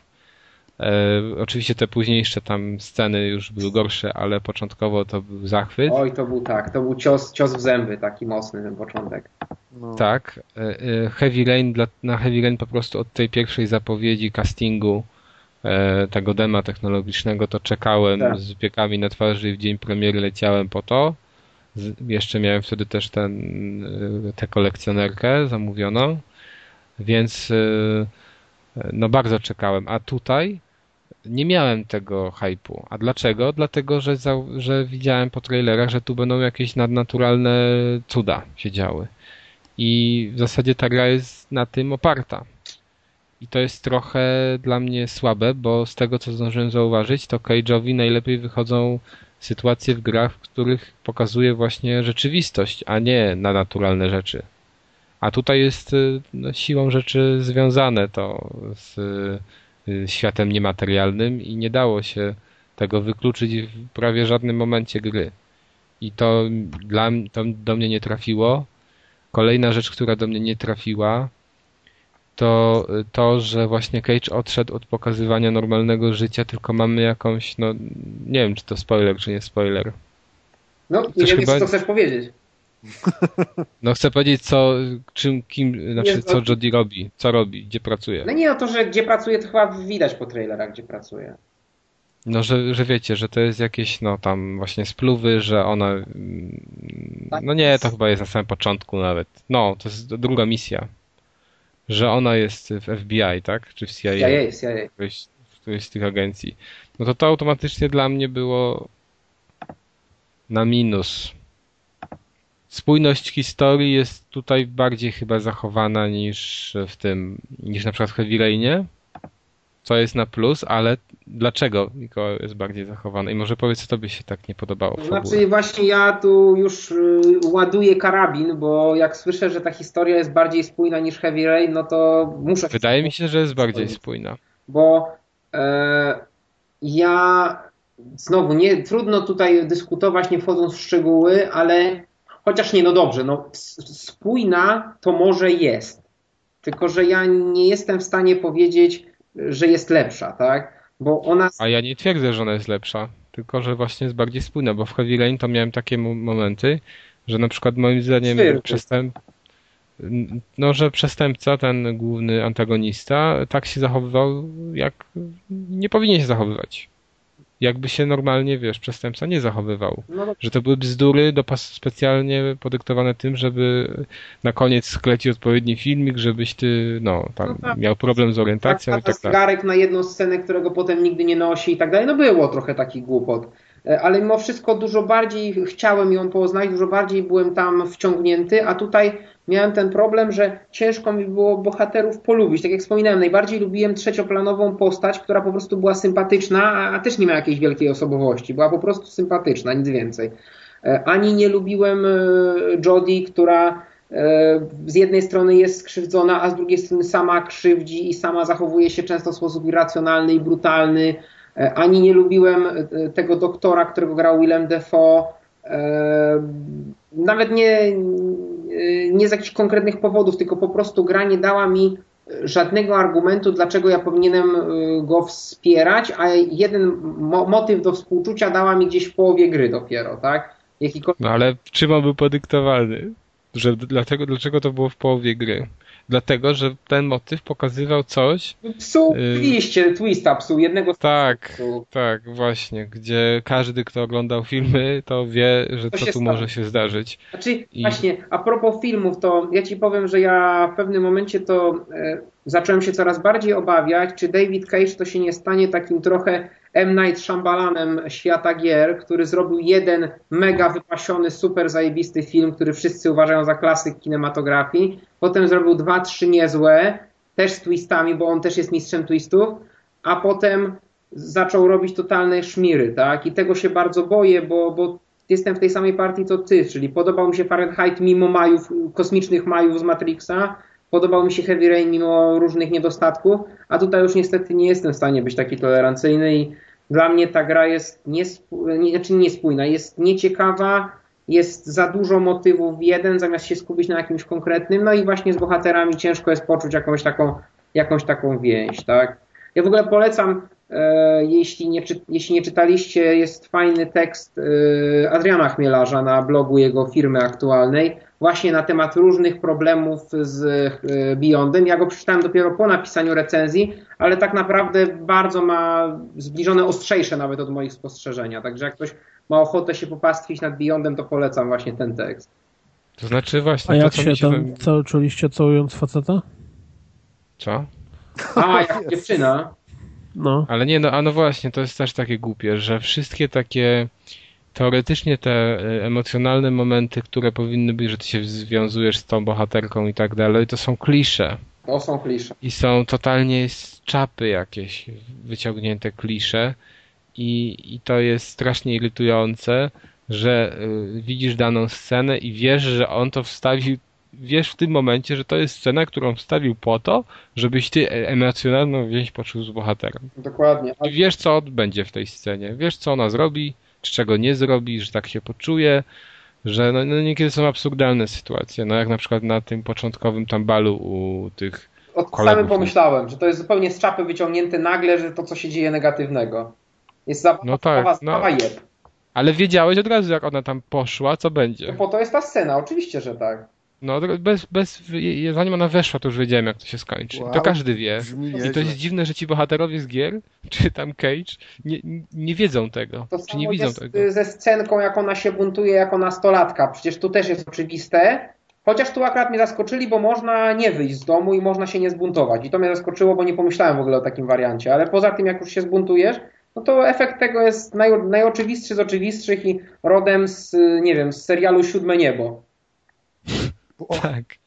Ale w ogóle też był taki motyw, że ona niby poszła gdzieś tam do, do gdzieś, nie? I tam miała kogoś spotkać i tego kogoś nie było. Ja tego nie rozumiem. Czy ona pomyliła miejsca, czy co? Bo to nie było w ogóle wyjaśnione. Nie, no to jest oczywiste po prostu, że ją wys- wystawiły koleżanki, bo jej nie lubiły, tak?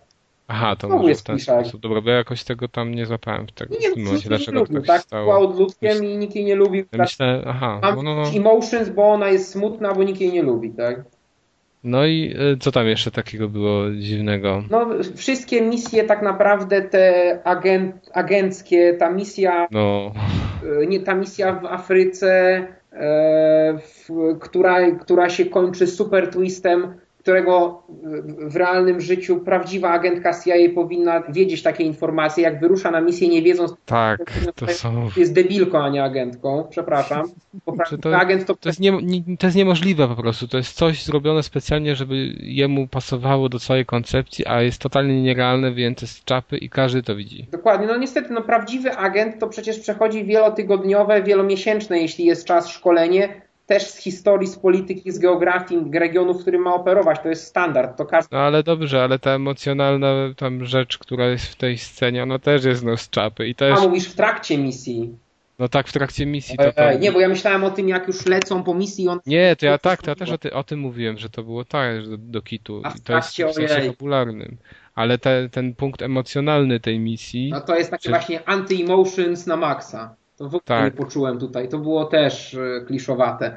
E, No, samo było potem, jak była ta e, misja druga agencka pod koniec gry, tak? No ona to już dla mnie zupełnie była. Znaczy ona nic nie wnosiła do gry, poza tym, że można było obronić jednego bohatera przed utratą części ciała lub nie, a poza tym ona nic do gry nie wnosiła, tak? No i mogłoby nie być, tak naprawdę i efekt scenariusza byłby prawie ten sam. Jakby jego tempo i tak dalej by się nie zmieniło. No, do, no właśnie, mamy tutaj takich dużo zarzutów odnośnie Beyond, bo e, no właśnie widzimy, że to są klisze. Jednak wiesz, no ciężko, ma się wrażenie właśnie, że ten, że Cage jest wizjonerem, a jak się widzi coś takiego, to się odnosi wrażenie, że on bierze motywy znane z innych filmów i wstawia je, no mieli je i wstawia jeszcze na siłę czasem. Dokładnie. No, W dużej mierze na siłę. Wszystkie klisze, i to nie tylko z filmów akcji, bo też właśnie z filmów thrillerów, z filmów y, romansów, no generalnie ze Z horrorów. No, no, no, zestaw, zestaw klisz. Także e, jako, jak, jakoś tak powolutku przychodząc do podsumowania, jako warto tę grę sprawdzić, ale najlepiej to ją pożyczyć od kogoś. Kto, Ale to dobrze, ale to jeszcze ja chciałem o innym aspekcie No. powiedzieć, bo mówiliśmy o fabule jako takiej, że tam nas i o tym, o tym emotion, o którym było tyle mowy i które powinno lepiej działać. tak. Tu nie było takiego w ogóle momentu jak w Heavy Rainie, że czasami w Heavy Rainie miałem takie naprawdę, że nie wiedziałem co mam zrobić. No, Czy postąpić tak, czy tak, takie wybory moralne. próba Tu te wybory- najbardziej. Tu te wybory moralne i właśnie tutaj misja w Afryce. Był wybór moralny taki z czapy, że nie wiedziałeś o co chodzi, ale nagle dostałeś możliwość zrobienia czegoś, bądź tego nie zrobienia. Tak. I dlaczego? Nie wiadomo. Bo, bo No, a no, później się- No, bo Emotions miało być, tak? A później się okazało, że to właśnie była jedna wielka bzdura fabularna. Yy, W innym momencie znowu też mogłeś coś fajnego zrobić i tego nie zrobiłeś, bo nawet nie wiedziałeś, że ci da, że ta gra daje taką możliwość. Czasami nie widzisz tego, yy, że możesz coś zrobić, a czasami znowu ona za bardzo ci wskazuje. I się zastanawiasz, a dlaczego on mi tutaj, ta gra wskazuje mi, że powinienem może inaczej postąpić, skoro Ja nie, przecież logiczne jest, że tak robię, nie? dokładnie. I to jest takie dziwne i też to na siłę jest. Ale jedna rzecz, o której chciałem powiedzieć właśnie. Mhm. W Heavy Rain była tak, taka kwestia, że bohaterowie mogli zginąć. To jedna sprawa. No, Druga stunie Znaczy główna bohaterka to jest nieśmiertelna chyba, nie wiem, może można uśmiercić, ale... y, w zakończeniu, wtedy dostajemy najgorsze zakończenie. No ale to jest, wiesz, no Nie sam wybór. zginąć w wyniku wyboru, tylko zginąć w wyniku skuchu. Tak.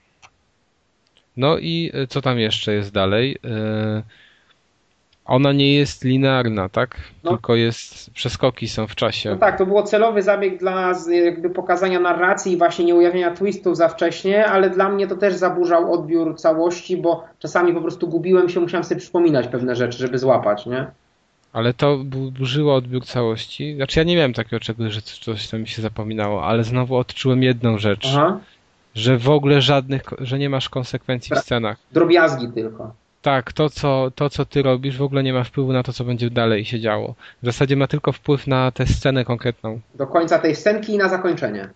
Tak, i na zakończenie, i w zasadzie, znaczy w zasadzie nawet same zakończenia to są pokłosiem e, ostatniej sekwencji. No plus y, tego, że tych wyborów jest, y, podwyborów jest więcej, jeśli udało ci się pewne postaci ocalić, tak? Bo pewne postaci poboczne mimo wszystko zginąć mogą.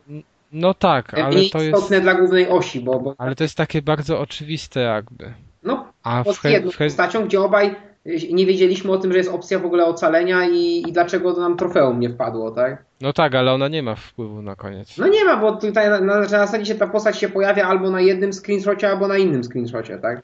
tak. To trochę w ten sposób, no, ale I to jest- faktycznie, no.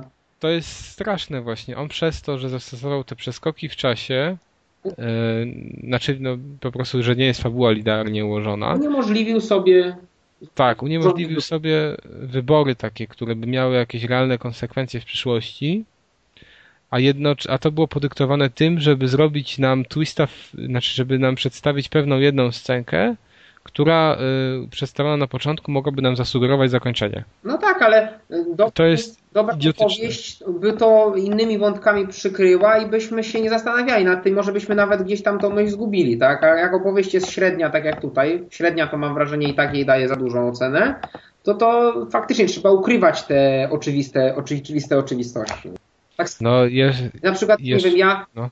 y, po dwóch czy trzech sekwencjach gry już praktycznie domyśl, znaczy domyślałem się, kim jest Aiden, no i się domyśliłem słusznie, tak? ale to ja się nie domyśliłem akurat. Okej, no to może, e, może tu akurat była kwestia gdzieś tam innych, powiedzmy, podobnych, nie wiem, czy, czy komiksów. Znaczy, wiesz co, powiem ci szczerze, że ja pomyślałem, że kim, kim on może być, ale nie, nie trafiłem ide, idealnie w to, że to wiesz, Wiesz co, tak się... Mi się skojarzyło, po prostu bardzo mocno skojarzyła się ta fioletowa lina, która ich łączy. z- Wiem, wiem, wiem, bo czytałem ten Dokładnie. tekst, to To wiem, po prostu mi od razu, pff, nie? Na tej... A to ja, to, to ja właśnie tego nie miałem, ale mimo wszystko to... No mówię, ta gra do końca Cage'owi na pewno nie wyszła. Nie. E, Jeżeli, ale ona nie jest grą złą, Nie, bo mówiąc Nie. szczerze, ja przechodziłem ją i nie było czegoś takiego, żebym się nudził chociażby, że jakoś to chłonąłem tę historię, mimo tego, że widziałem te uchybienia, y, mimo tego, że nie miałem, że zdałem sobie sprawę w pewnym momencie, że moje wybory to w zasadzie są iluzoryczne, e, to mimo tych wad y, potrafiłem w to grać i się dobrze przy tym bawić. Y, Uważam, że to jest jedna z gier, która na pewno była przehypowana oj tak. I której, którą, w którą niekoniecznie trzeba zagrać na premierze, tylko można poczekać aż stanieje. Ale ja bym jednak ją polecił, jak ktoś ją dorwie tam, nie wiem, za no, niższą cenę. Znaczy, Bo mimo wszystko 10 godzin fajnej rozrywki. znaczy właśnie, bo y, y, ciekawe jest to, że gameplay w tej grze nie jest tragiczny. No, To historia ją y, w dół ściąga, a nie to, co się wydawało, że jest jej wadą. Ten gameplay jest okej. On jest po prostu okej. słuchaj, też jak gdy- gdybyś na przykład wziął, nie wiem, nie, nie wiedział o tej grze, Mhm. nie wiedział, że to jest Cage'a gra i tak dalej, i byś ją wziął i nie analizował tego, co on wcześniej mówił, te, tych jego wcześniejszych gier i tak dalej, to ona mogłaby ci się bardziej spodobać. Na pewno. I gdybym A tak czytał w życiu za dużo książek, to też by mi się pewnie bardziej podobała. No tak, tak, tak. Im mniej widziałbym innych dzieł kultury, tym bardziej by mi się podobała, bo mniej widziałbym recyklingu. No. No dokładnie, to jest prawda. No ale niestety nie, nie można tego, no bo trzeba to wytknąć jako wadę. Czyli, Taki- czekaj, ra, reasumując, y, idealne podsumowanie, y, Beyond, gra dla kogoś, kto nic nie czyta i nic nie ogląda. No. Wtedy 11 na 10 i dwie, bierz za 200 zł. Wtedy wiesz, bohaterką jest kobieta, o mój Boże, nigdy tego nie widziałem. Mogę ducha, Boże. o ja cię! Bierze prysznic, o mój, o, rę, ręcznikiem, o Mogę fuck. pocałować bądź nie chłopaka. Mogę Oj. posprzątać mieszkanie, zanim chłopak przyjdzie. No pomyśl sobie, jakie Mogę możliwości. gotować ryż, e, ryż smażony z kurczakiem. Co wybrałeś? Ja chyba wołowinę. Nie, co ja wziąłem kurczaka z czymś tam. Z kary to było chyba. Kurczę, Ma, ona, otwiera ci ksio- ona ci otwiera książkę Takie kucharską, ma trzy przepisy, jeden z nich możesz wybrać. Ale to jest fajne akurat. To było No spoko. fajne, to fajne jest, tylko właśnie, I właśnie takich rzeczy u Cage'a brakowało tutaj w tej grze. Tu po- ona być Więcej powinna bardziej gotowania? skupiona. Nie, ona powinna być skupiona na realnych Na sprawach. Na ludziach, a nie na tym, na, na, jakiś tam, nie wiem, CIA. No. Słuchajcie, ja jeszcze nie grałem, ale z, z trailerów wiem, że będziemy mieli do czynienia z grą, w której e, dziewczynka z e, f- fantą przyjacielem, który umie trzaskać kubkami o ściany, zostaje agentką CIA i musi kogoś zamordować, to wiesz, jeżeli już trailer nam to mówi, to tak nie do końca można się spodziewać e, odrobienia lekcji z synkiem albo press X to Jason. No, No ale ten Press X Jason to było takie emocjonalne, wiesz. bardzo. Tam Jason, Jason. i ten balonik Ten uciekający. balonik, nie? Nie, no, No. ale tak, tak szczerze mówiąc, ja wiem, że dużo ludzi nie lubiło Heavy Raina, ale ja y, parę motywów, mi się generalnie cały Heavy Rain podobał, a kilka motywów, które tam były, naprawdę mi się strasznie podobały. Paluszek. przykład- dokładnie, paluszek, czy, czy Czy opcja ten z fanatyk. trucizną, czy, no, no generalnie tam było Nie, dużo to fajnych nie motywów. Ja domyśliłem, że nie może się tak skończyć. Nie no, wiesz, to Heavy Rain mógł się skończyć Za tak, dużo jak sobie filmów. tego życzyłeś. To prawda, i no końcówka, tak, tak.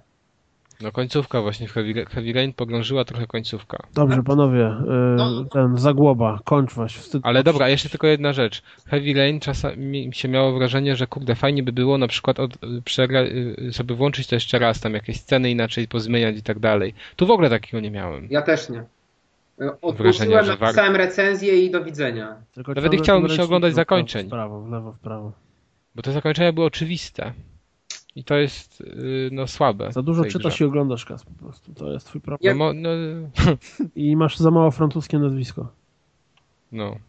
Jakby ci było on na ma- przykład, wiesz, jakiś, nie wiem... On ma zajebiście francusko brzmiące akurat. Hmm. Karzmiłkiewicz albo coś w tym stylu, to może Tak, ktoś lepiej, lepiej e, odebrał. Nie idźmy w tą stronę. Dobra, nie idźmy. y, Kończymy Heavy Rain. No, chyba można podsumować, że można za niższą cenę i nie nastawiać się na wyjątkowe emocje. Albo pożyczyć od kolegi, który już wtopił pieniądze. Tak, i jeżeli ktoś się boi horrorów, to jest parę, dosłownie kilka takich scen, w których można. No ale to jest takie, wiecie, zaskoczenie, ale psy wylatujące z Resident Evil przez okno. Na, I nawet O, mniej straszne. przez okno, ale piesały czy, czy zwykłe psy? Znaczy coś takiego jak psy. Dobrze. Zło. Dobra. wyskakujący przez okno. I wow, szacuneczek. Selling point. Eee, Potions. Słuchajcie, nikt się nie spodziewa hiszpańskiej inkwizycji i wbrew pozorom mój o- obrazek, znaczy mój nasz obrazek, który wrzuciłem na fanpage ma sens, bo Hmm. tak jak się nikt nie spodziewa hiszpańskiej inkwizycji, to nikt, ale to absolutnie nikt nie spodziewa się tego, że mamy kod do rozdania. I to kod na nie byle co, to dobrze, że nie, dobrze, że nie wszyscy z Poznania są, bo tak to by nie, nie rozdali, nie? w sensie masz na myśli, że już ten kod Że- wykorzystałeś, tak? Nie, że nie wszyscy są z Poznania, bo inaczej byśmy go nie oddali. A, rozumiem. Ah, rozumiem. To dobrze, że ja go mam na mailu. Kod został dostarczony nam przez naszego aktualnego dzisiejszego współnagrywającego, czyli Mikołaja. Mikołaju, dziękujemy Tobie bardzo. Brawo! W imieniu Koni- Koniciła, Mikołaj. osoby, w imieniu kogokolwiek, kto by m, ten kodzik wykorzystał. Kodzik jest na bonus, który był do preordera do The Last of Us, ale to nie jest tak, że ktoś już sześć razy sprzedał The Last of Us, bo udało mu się jakoś zrobić hachment, to go nie wykorzysta, bo z tego co się orientuję, to jest tam również soundtrack chyba. Dokładnie. Tam jakieś dodatki do multiplayera i soundtrack, więc nawet ktoś, kto już nie ma The Last of Us może być zainteresowany. Bo to się nazywa Science, Science and Sounds. Ojej. I uwaga, dyktuję. Proszę notować, bo nie będę powtarzał. HGJ3 36 NC JPT4. I od na Strasznie 100%. pomyliłem. O Jezu. No i to jeszcze wiesz, HGJ prawie jak HGW. HGW. No. no HGJ 336NC JPT4. SRU. Poszedł kod. Powtórzyłeś. teraz no. kolejna rzecz, nieważne, mogę jeszcze trzeci raz, bo to zaskoczenie. Nie, nie. Już jak nie zdążyli, to nie zdążyli. No, kolejna rzecz, jak której nikt się to będzie dla nas. kompletnie nie spodziewał, czyli uwaga, uwaga, kącik pozdrowień, który się rozrasta wszem i wzdłuż i wszerz i w ogóle wzwyż i tak dalej. W przeciwieństwie do niektórych z nas. Ha, ha, ha, tam, no. Inside joke? E, inside joke. Żart z offu. E, a więc, mm, oczywiście Facebook jak zawsze pieprzy tutaj kompletnie tą harmonogram wpisywanych komentarzy, więc będę czytał od góry, tak jak mi wyświetla. E, Agnieszka, znana skądinąd, krytykuje Normana, znanego również skądinąd, że jak zwykle ma parcie na szkło. Michał Kita prosi, żebyśmy pozdrowili wszystkich, którzy zrezygnowali z preordera na PS4, w tym właśnie również Michała. Michale, pozdrawiamy i pozdrawiamy wszystkich tych, którzy zrezygnowali z preordera. Tylko nie mów, Norman... że Xboxa bierzesz. Nie, nie, nie, nie.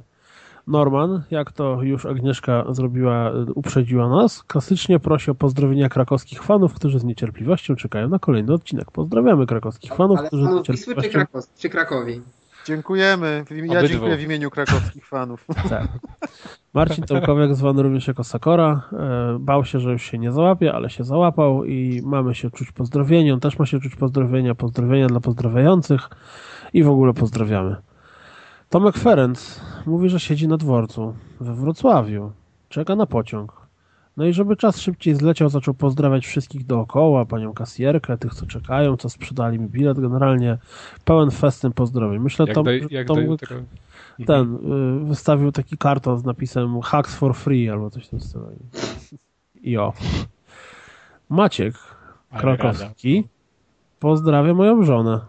I nawet wiem dlaczego ha, ha, ha, ha, ha. Bo Maciek, dla tych, którzy nie wiedzą, jest y, tym gentlemanem, który rozpoznał, co gra kas na gitarze i dostał y, gadżet od żony Guldana. Ha, ha, ha. Mhm. Czyli pandę. No. Tomasz Duralski y, pozdrawia kardynałów i ma... O Jezu, nie przeczytam tego teraz.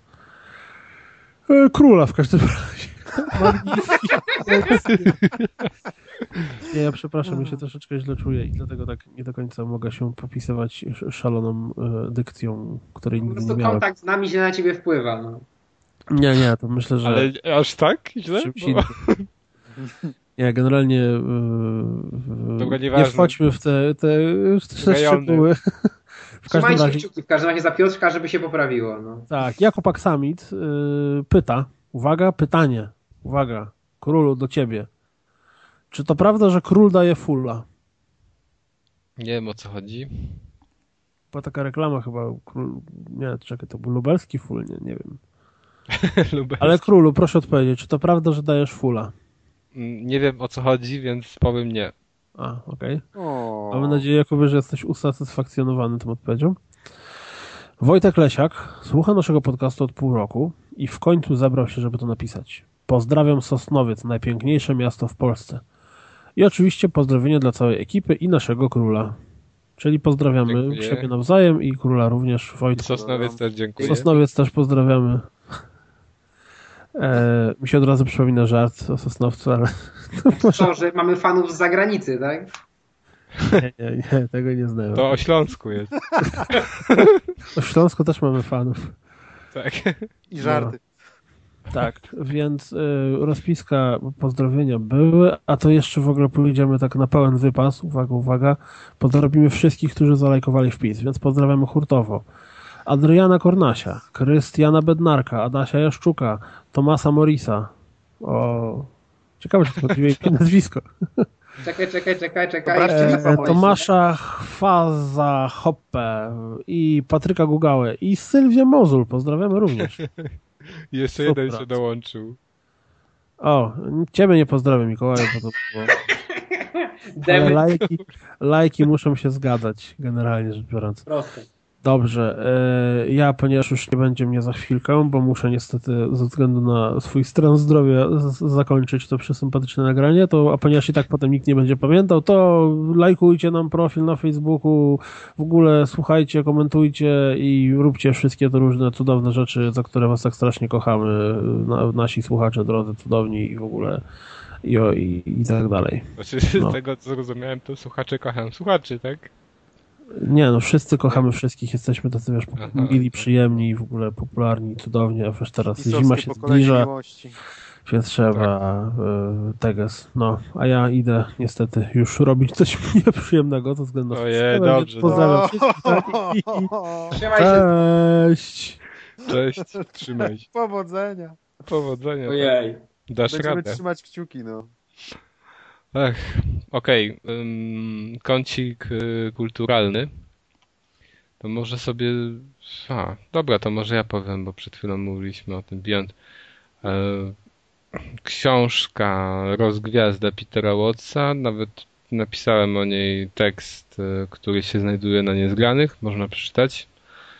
E, a książkę samą w sobie warto przeczytać, dlatego że to jest science fiction, które trochę odbiega od typowej konwencji science fiction, a mianowicie nie mamy tutaj kosmosów, nie mamy tutaj ufolutków, nie mamy tutaj takiego typowego e, cyberpunka, a mamy tutaj coś innego, a tą inną e, rzeczą jest setting, między innymi setting, ale głównie setting.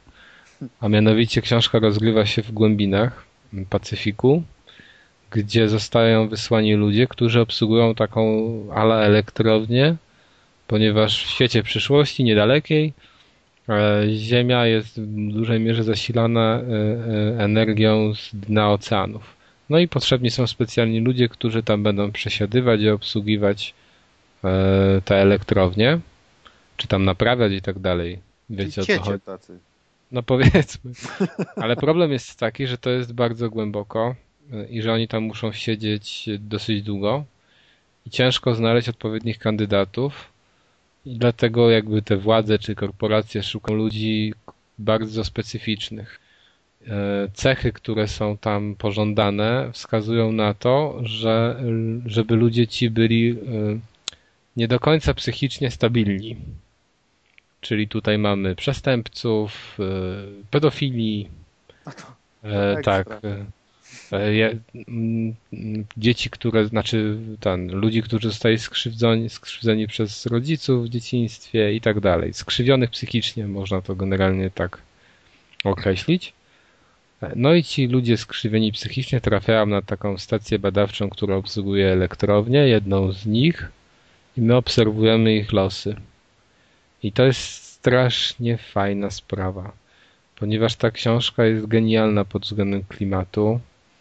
Mm, jeżeli ktoś lubi takie opowieści, gdzie czuje się dosłownie ścisk, taki klaustrofobiczny ścisk, to tu go odnajdzie ją, jeżeli ktoś czytał Ślepowidzenie, bo Watts jest znany najbardziej ze Ślepowidzenia chyba, tylko że to jest późniejsza książka, bo Rozgwiazda jest jego pierwszą. I to Ślepowidzenie mu nie do końca się widziało, bo Ślepowidzenie było tak moim zdaniem ciężkim językiem napisane. Takim specyficznym bardzo. Dużo było filozofii w tym wszystkim. E, tutaj jest tego mniej i łatwiej się to czyta. Więc jeżeli nawet komuś się ślepowidzenie nie podobało, to mógłby tej spróbować.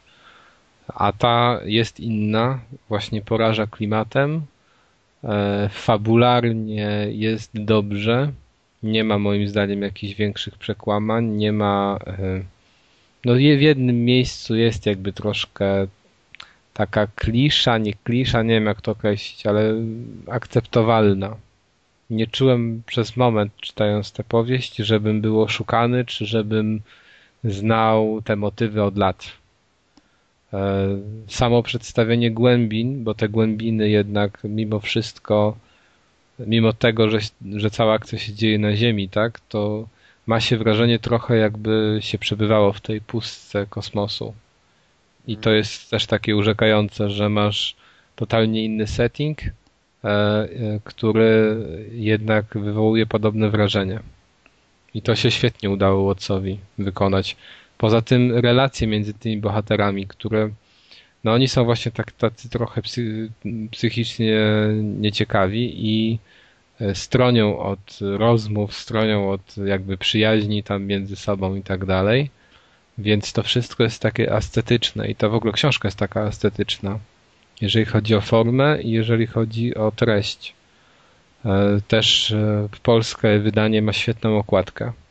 I ta okładka potrafi zachęcić idealnie do czytania i moim zdaniem ona idealnie oddaje ten klimat tej pustki, tego zaszczucia trochę w tym metalowym, w tej metalowej bazie, bo tam jest świetny motyw tego, że ci ludzie jakby, mimo tego, że tam jest ta głębia i że oni się obawiają tej głębi, że tam jakieś ryby są trochę nieciekawe, większe, które potrafią ich atakować, e, to i tak e, nie chcą siedzieć w tej bazie tylko chcą się z niej wydostać.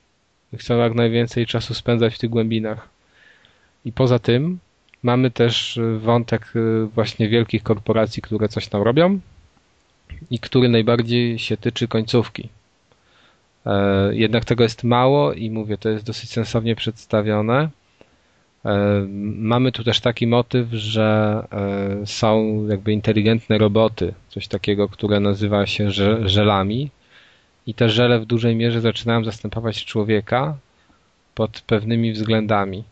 E, I to też moim zdaniem dobrze udało się Watsowi oddać i to ma duży wpływ na fabułę e, i też nie psuje całego, całości odbioru, bo mówię, tu nie ma takich głupot. Zresztą ta książka jest bardzo mądrze napisana, bo facet jest e, biologiem morskim, więc mm, on wie o czym pisze. To nie jest tak, że on sobie strzela teoriami, i na przykład niektóre z jego pomysłów dotyczących tam budowy pewnie urządzeń jest poparte faktami, bo on przeglądał różne książki techniczne i na ich podstawie budował ten swój świat. E, także koncepcje, które są tam przedstawione są w dużej mierze realne. Zresztą na samym końcu jest e, nawet bibliografia e, czyli wszystkie pozycje, z których Watt skorzystał tworząc to, tę książkę. On bodajże też konsultował to z innymi.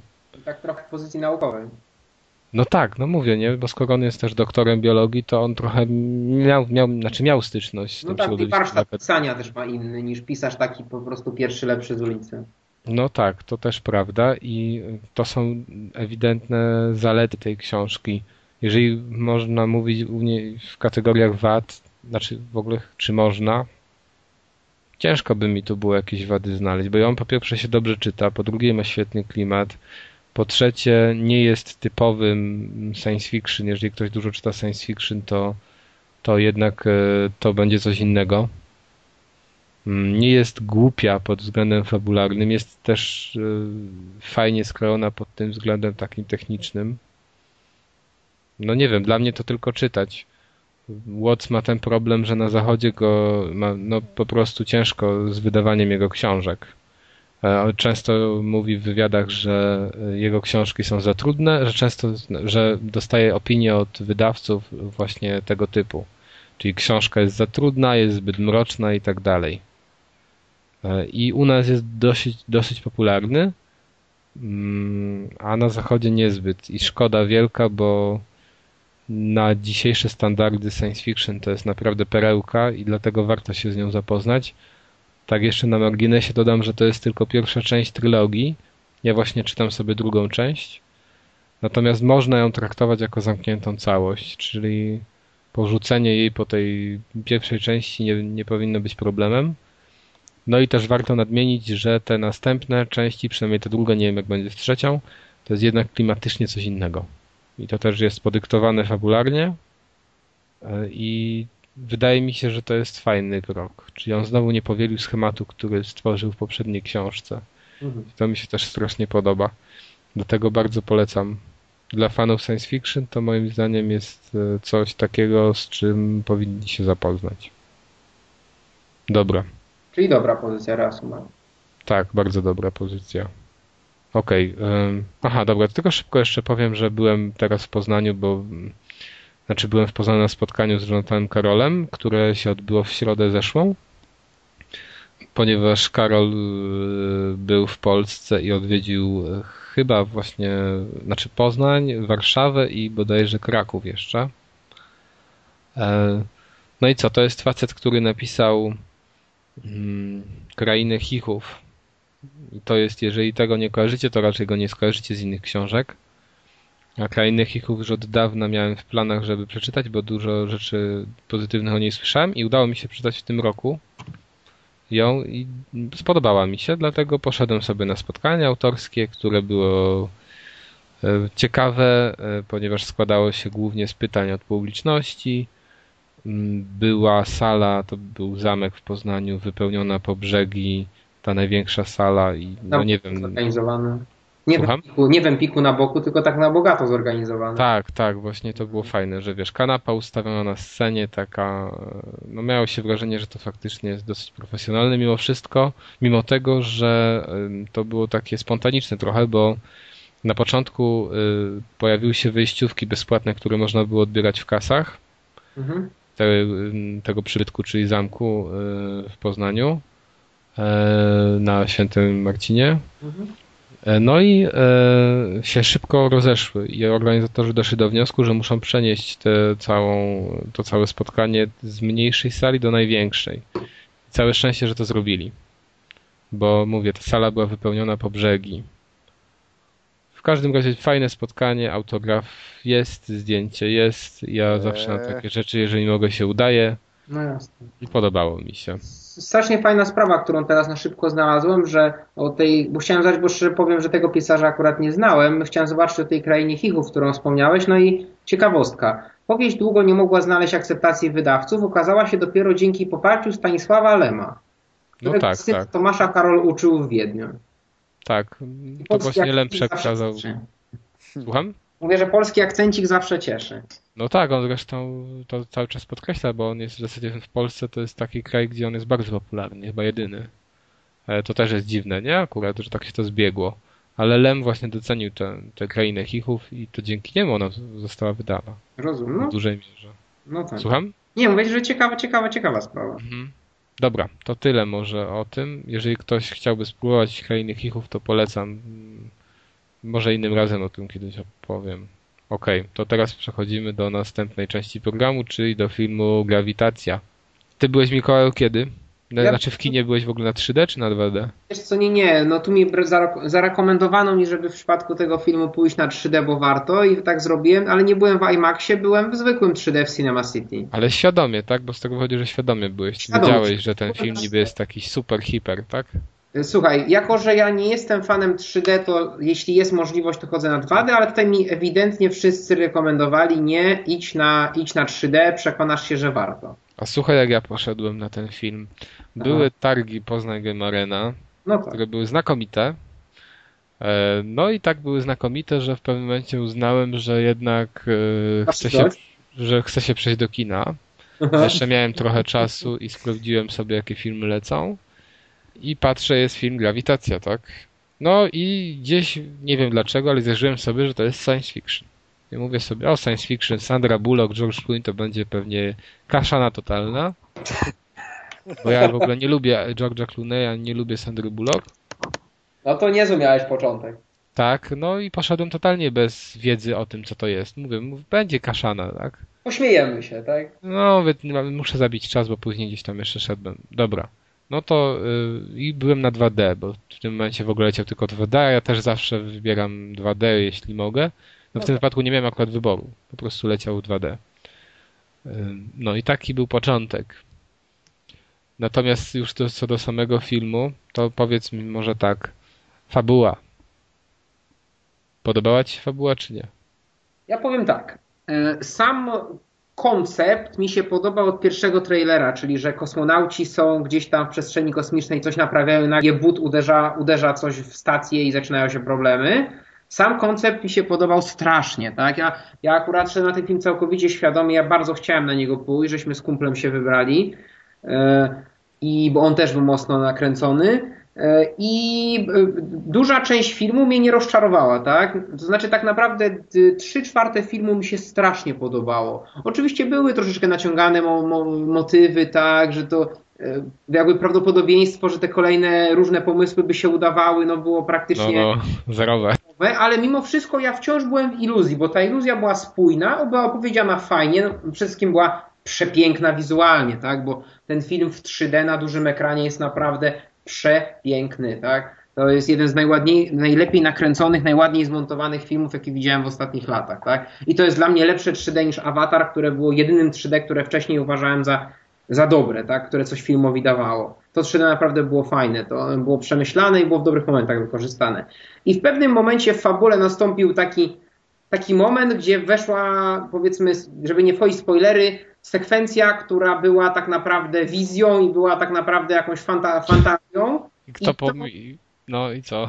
I od tego momentu po prostu jakbym dostał szmatą w twarz i dalej wciąż uważałem, że to jest dobry film, ale to w tym momencie stał się już film tylko dobry. Tak? Ale powiedz, od razu to się dzieje i wiesz, jak to się. Znaczy wiesz, że to... No, że to nie może się zdarzyć naprawdę i że to jest... Co za... No właśnie, ja uwielbiam takie momenty właśnie w filmach, gdzie masz taką kliszę walniętą ci w ryj i masz, patrz sobie, nie? I teraz robisz, robisz sobie idiotę, bo nie wiem, no chyba tak mi się wydaje, że jeżeli ktoś to robi, to myśli o widzach, że ten widz się nie domyśli, co tam wiesz, co, o co chodzi. Ale słuchaj, to było całkiem skuteczne, bo mój kumpel, który mam wrażenie, jeśli chodzi o dobra kultury inne niż gry komputerowe, to ma dużo większą bazę przemieloną niż ja, on się nie domyślił, tak? I on dlatego chodził z tego filmu bardziej zadowolony. Aha. Także to nie zawsze się okazuje, że to nie zawsze, nie zawsze tak działa, nie? Po prostu ja akurat, no tu w tym momencie uznałem, że to jest zbyt absurdalne. On po prostu poszedł z opowieścią i skoro tu się udało złapać, tu się udało odpalić, tu się udało uniknąć wybuchu, tak, tak. to scenaria też się, a kurde, też się może w tej iluzji, ale, tej samej opowieści wydarzyć. Nie? Ale no właśnie w ogóle to, co... Znaczy moim zdaniem, tak jak ty powiedziałeś, że ta no, fabuła jest naciągana i to mi się nie podobało, bo no jednak tam są takie motywy, że no Transformersy do, wysiadają. No nie do zaistnienia, tak? No to, bo to jeszcze nie jest science fiction, tylko ewidentnie film o kosmonautach. Dokładnie. E, I no, no, nie wiem, ja nie znam się, bo też mówimy, że to jest nierealne, ale byśmy musieli chyba pracować w takim czymś, żeby to móc stwierdzić, tylko że no wydaje się skrajnie nieprawdopodobne. No oczywiście na Filmwebie jest taki wątek, gdzie jakiś gostek, który jest tam technikiem kosmonautyki czy coś takiego, tłumaczy, że część rzeczy, które się wydają ludziom naciągana, akurat jest prawdopodobna, ale za to część rzeczy, które nam się wydają instynktownie prawdopodobne, są totalnymi głupotami w tym filmie, tak? Jest taki wątek, jak ktoś ma ochotę się pogrzebać, to, to na Filmwebie to jest jeden z najpopularniejszych wątków pod tym filmem. No okej, okay. no to nawet fajnie, nie wiedziałem, co poczytam chętnie. Natomiast, no o, co tak, Clooney, którego nie lubię, nie przeszkadzał mi w tym filmie. Można powiedzieć, że jego rola była ok, ale na Sandra Bullock to jednak... Miss Agent.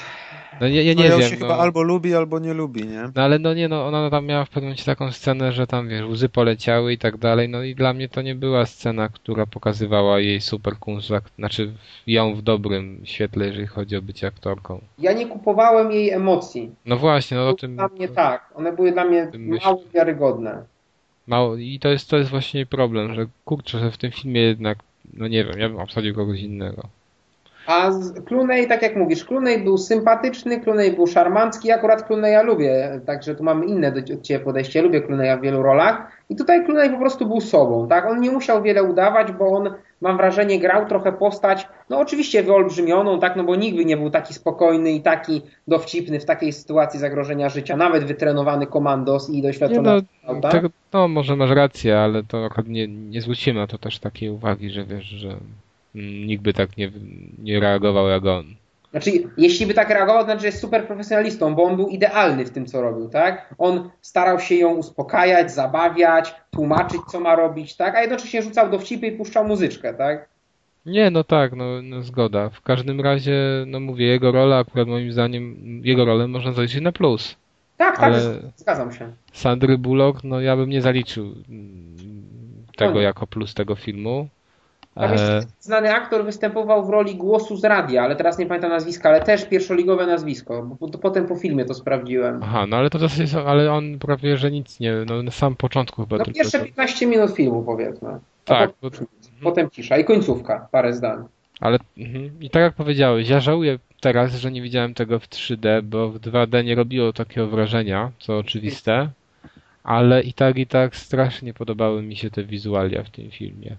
Przede wszystkim najlepsze moim zdaniem te sceny są wtedy, gdy widać Ziemię. Oj tak. Że gdzieś jest w kosmosie, ale też widzimy kawałek Ziemi, czy tam większość obrazu zajmuje Ziemia. Dokładnie. To są naprawdę fajne sceny.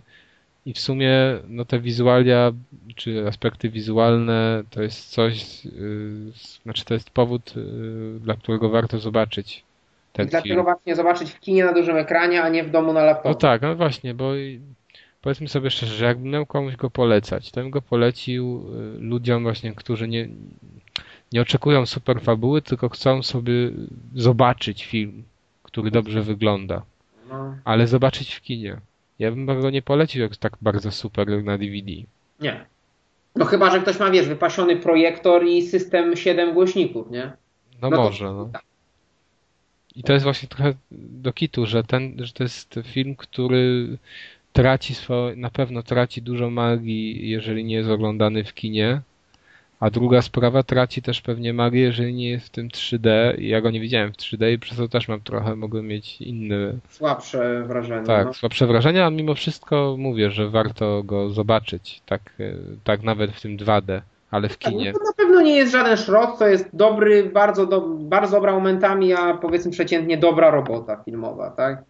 Mhm, mhm. Ja tylko jedno spostrzeżenie, które chciałbym tu przemycić na koniec, bo ja już więcej chyba o tym filmie do powiedzenia nie mam, to jest to, że jak ta katastrofa zaczęła się dziać, no i też nie jest wielką tajemnicą, że satelity zaczęły padać kolejne, to moja pierwsza myśl była taka, ale teraz na Ziemi będzie kryzys ekonomiczny, jak te wszystkie satelity, internety, GPS-y im wyłączą.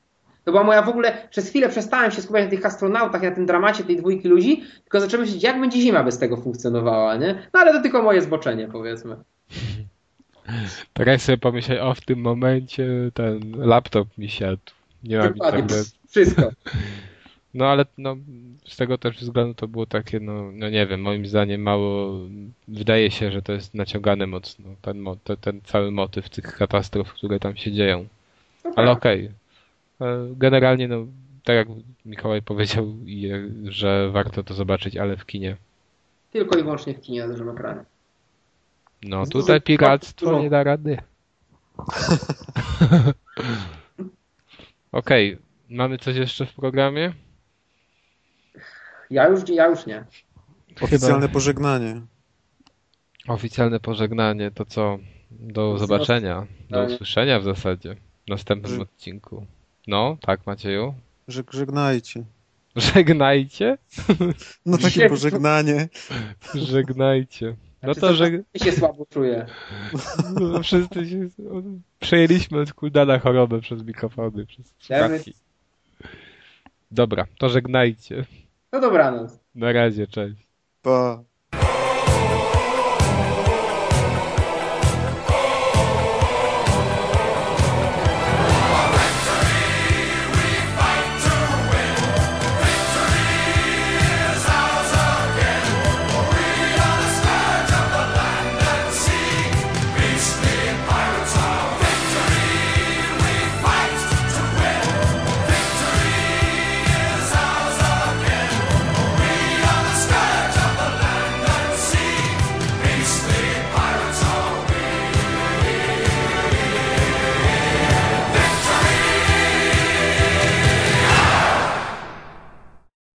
A, właśnie, to ja wyłączę to downloadu mojego brata.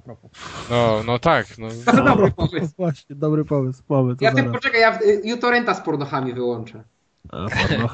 Juto, jeszcze raz co? uTorrent? uTorrent. No, Ale pornochy się streamuje, a nie ściąga, no co ty? No właśnie, to nie jest 2000 rok. Man.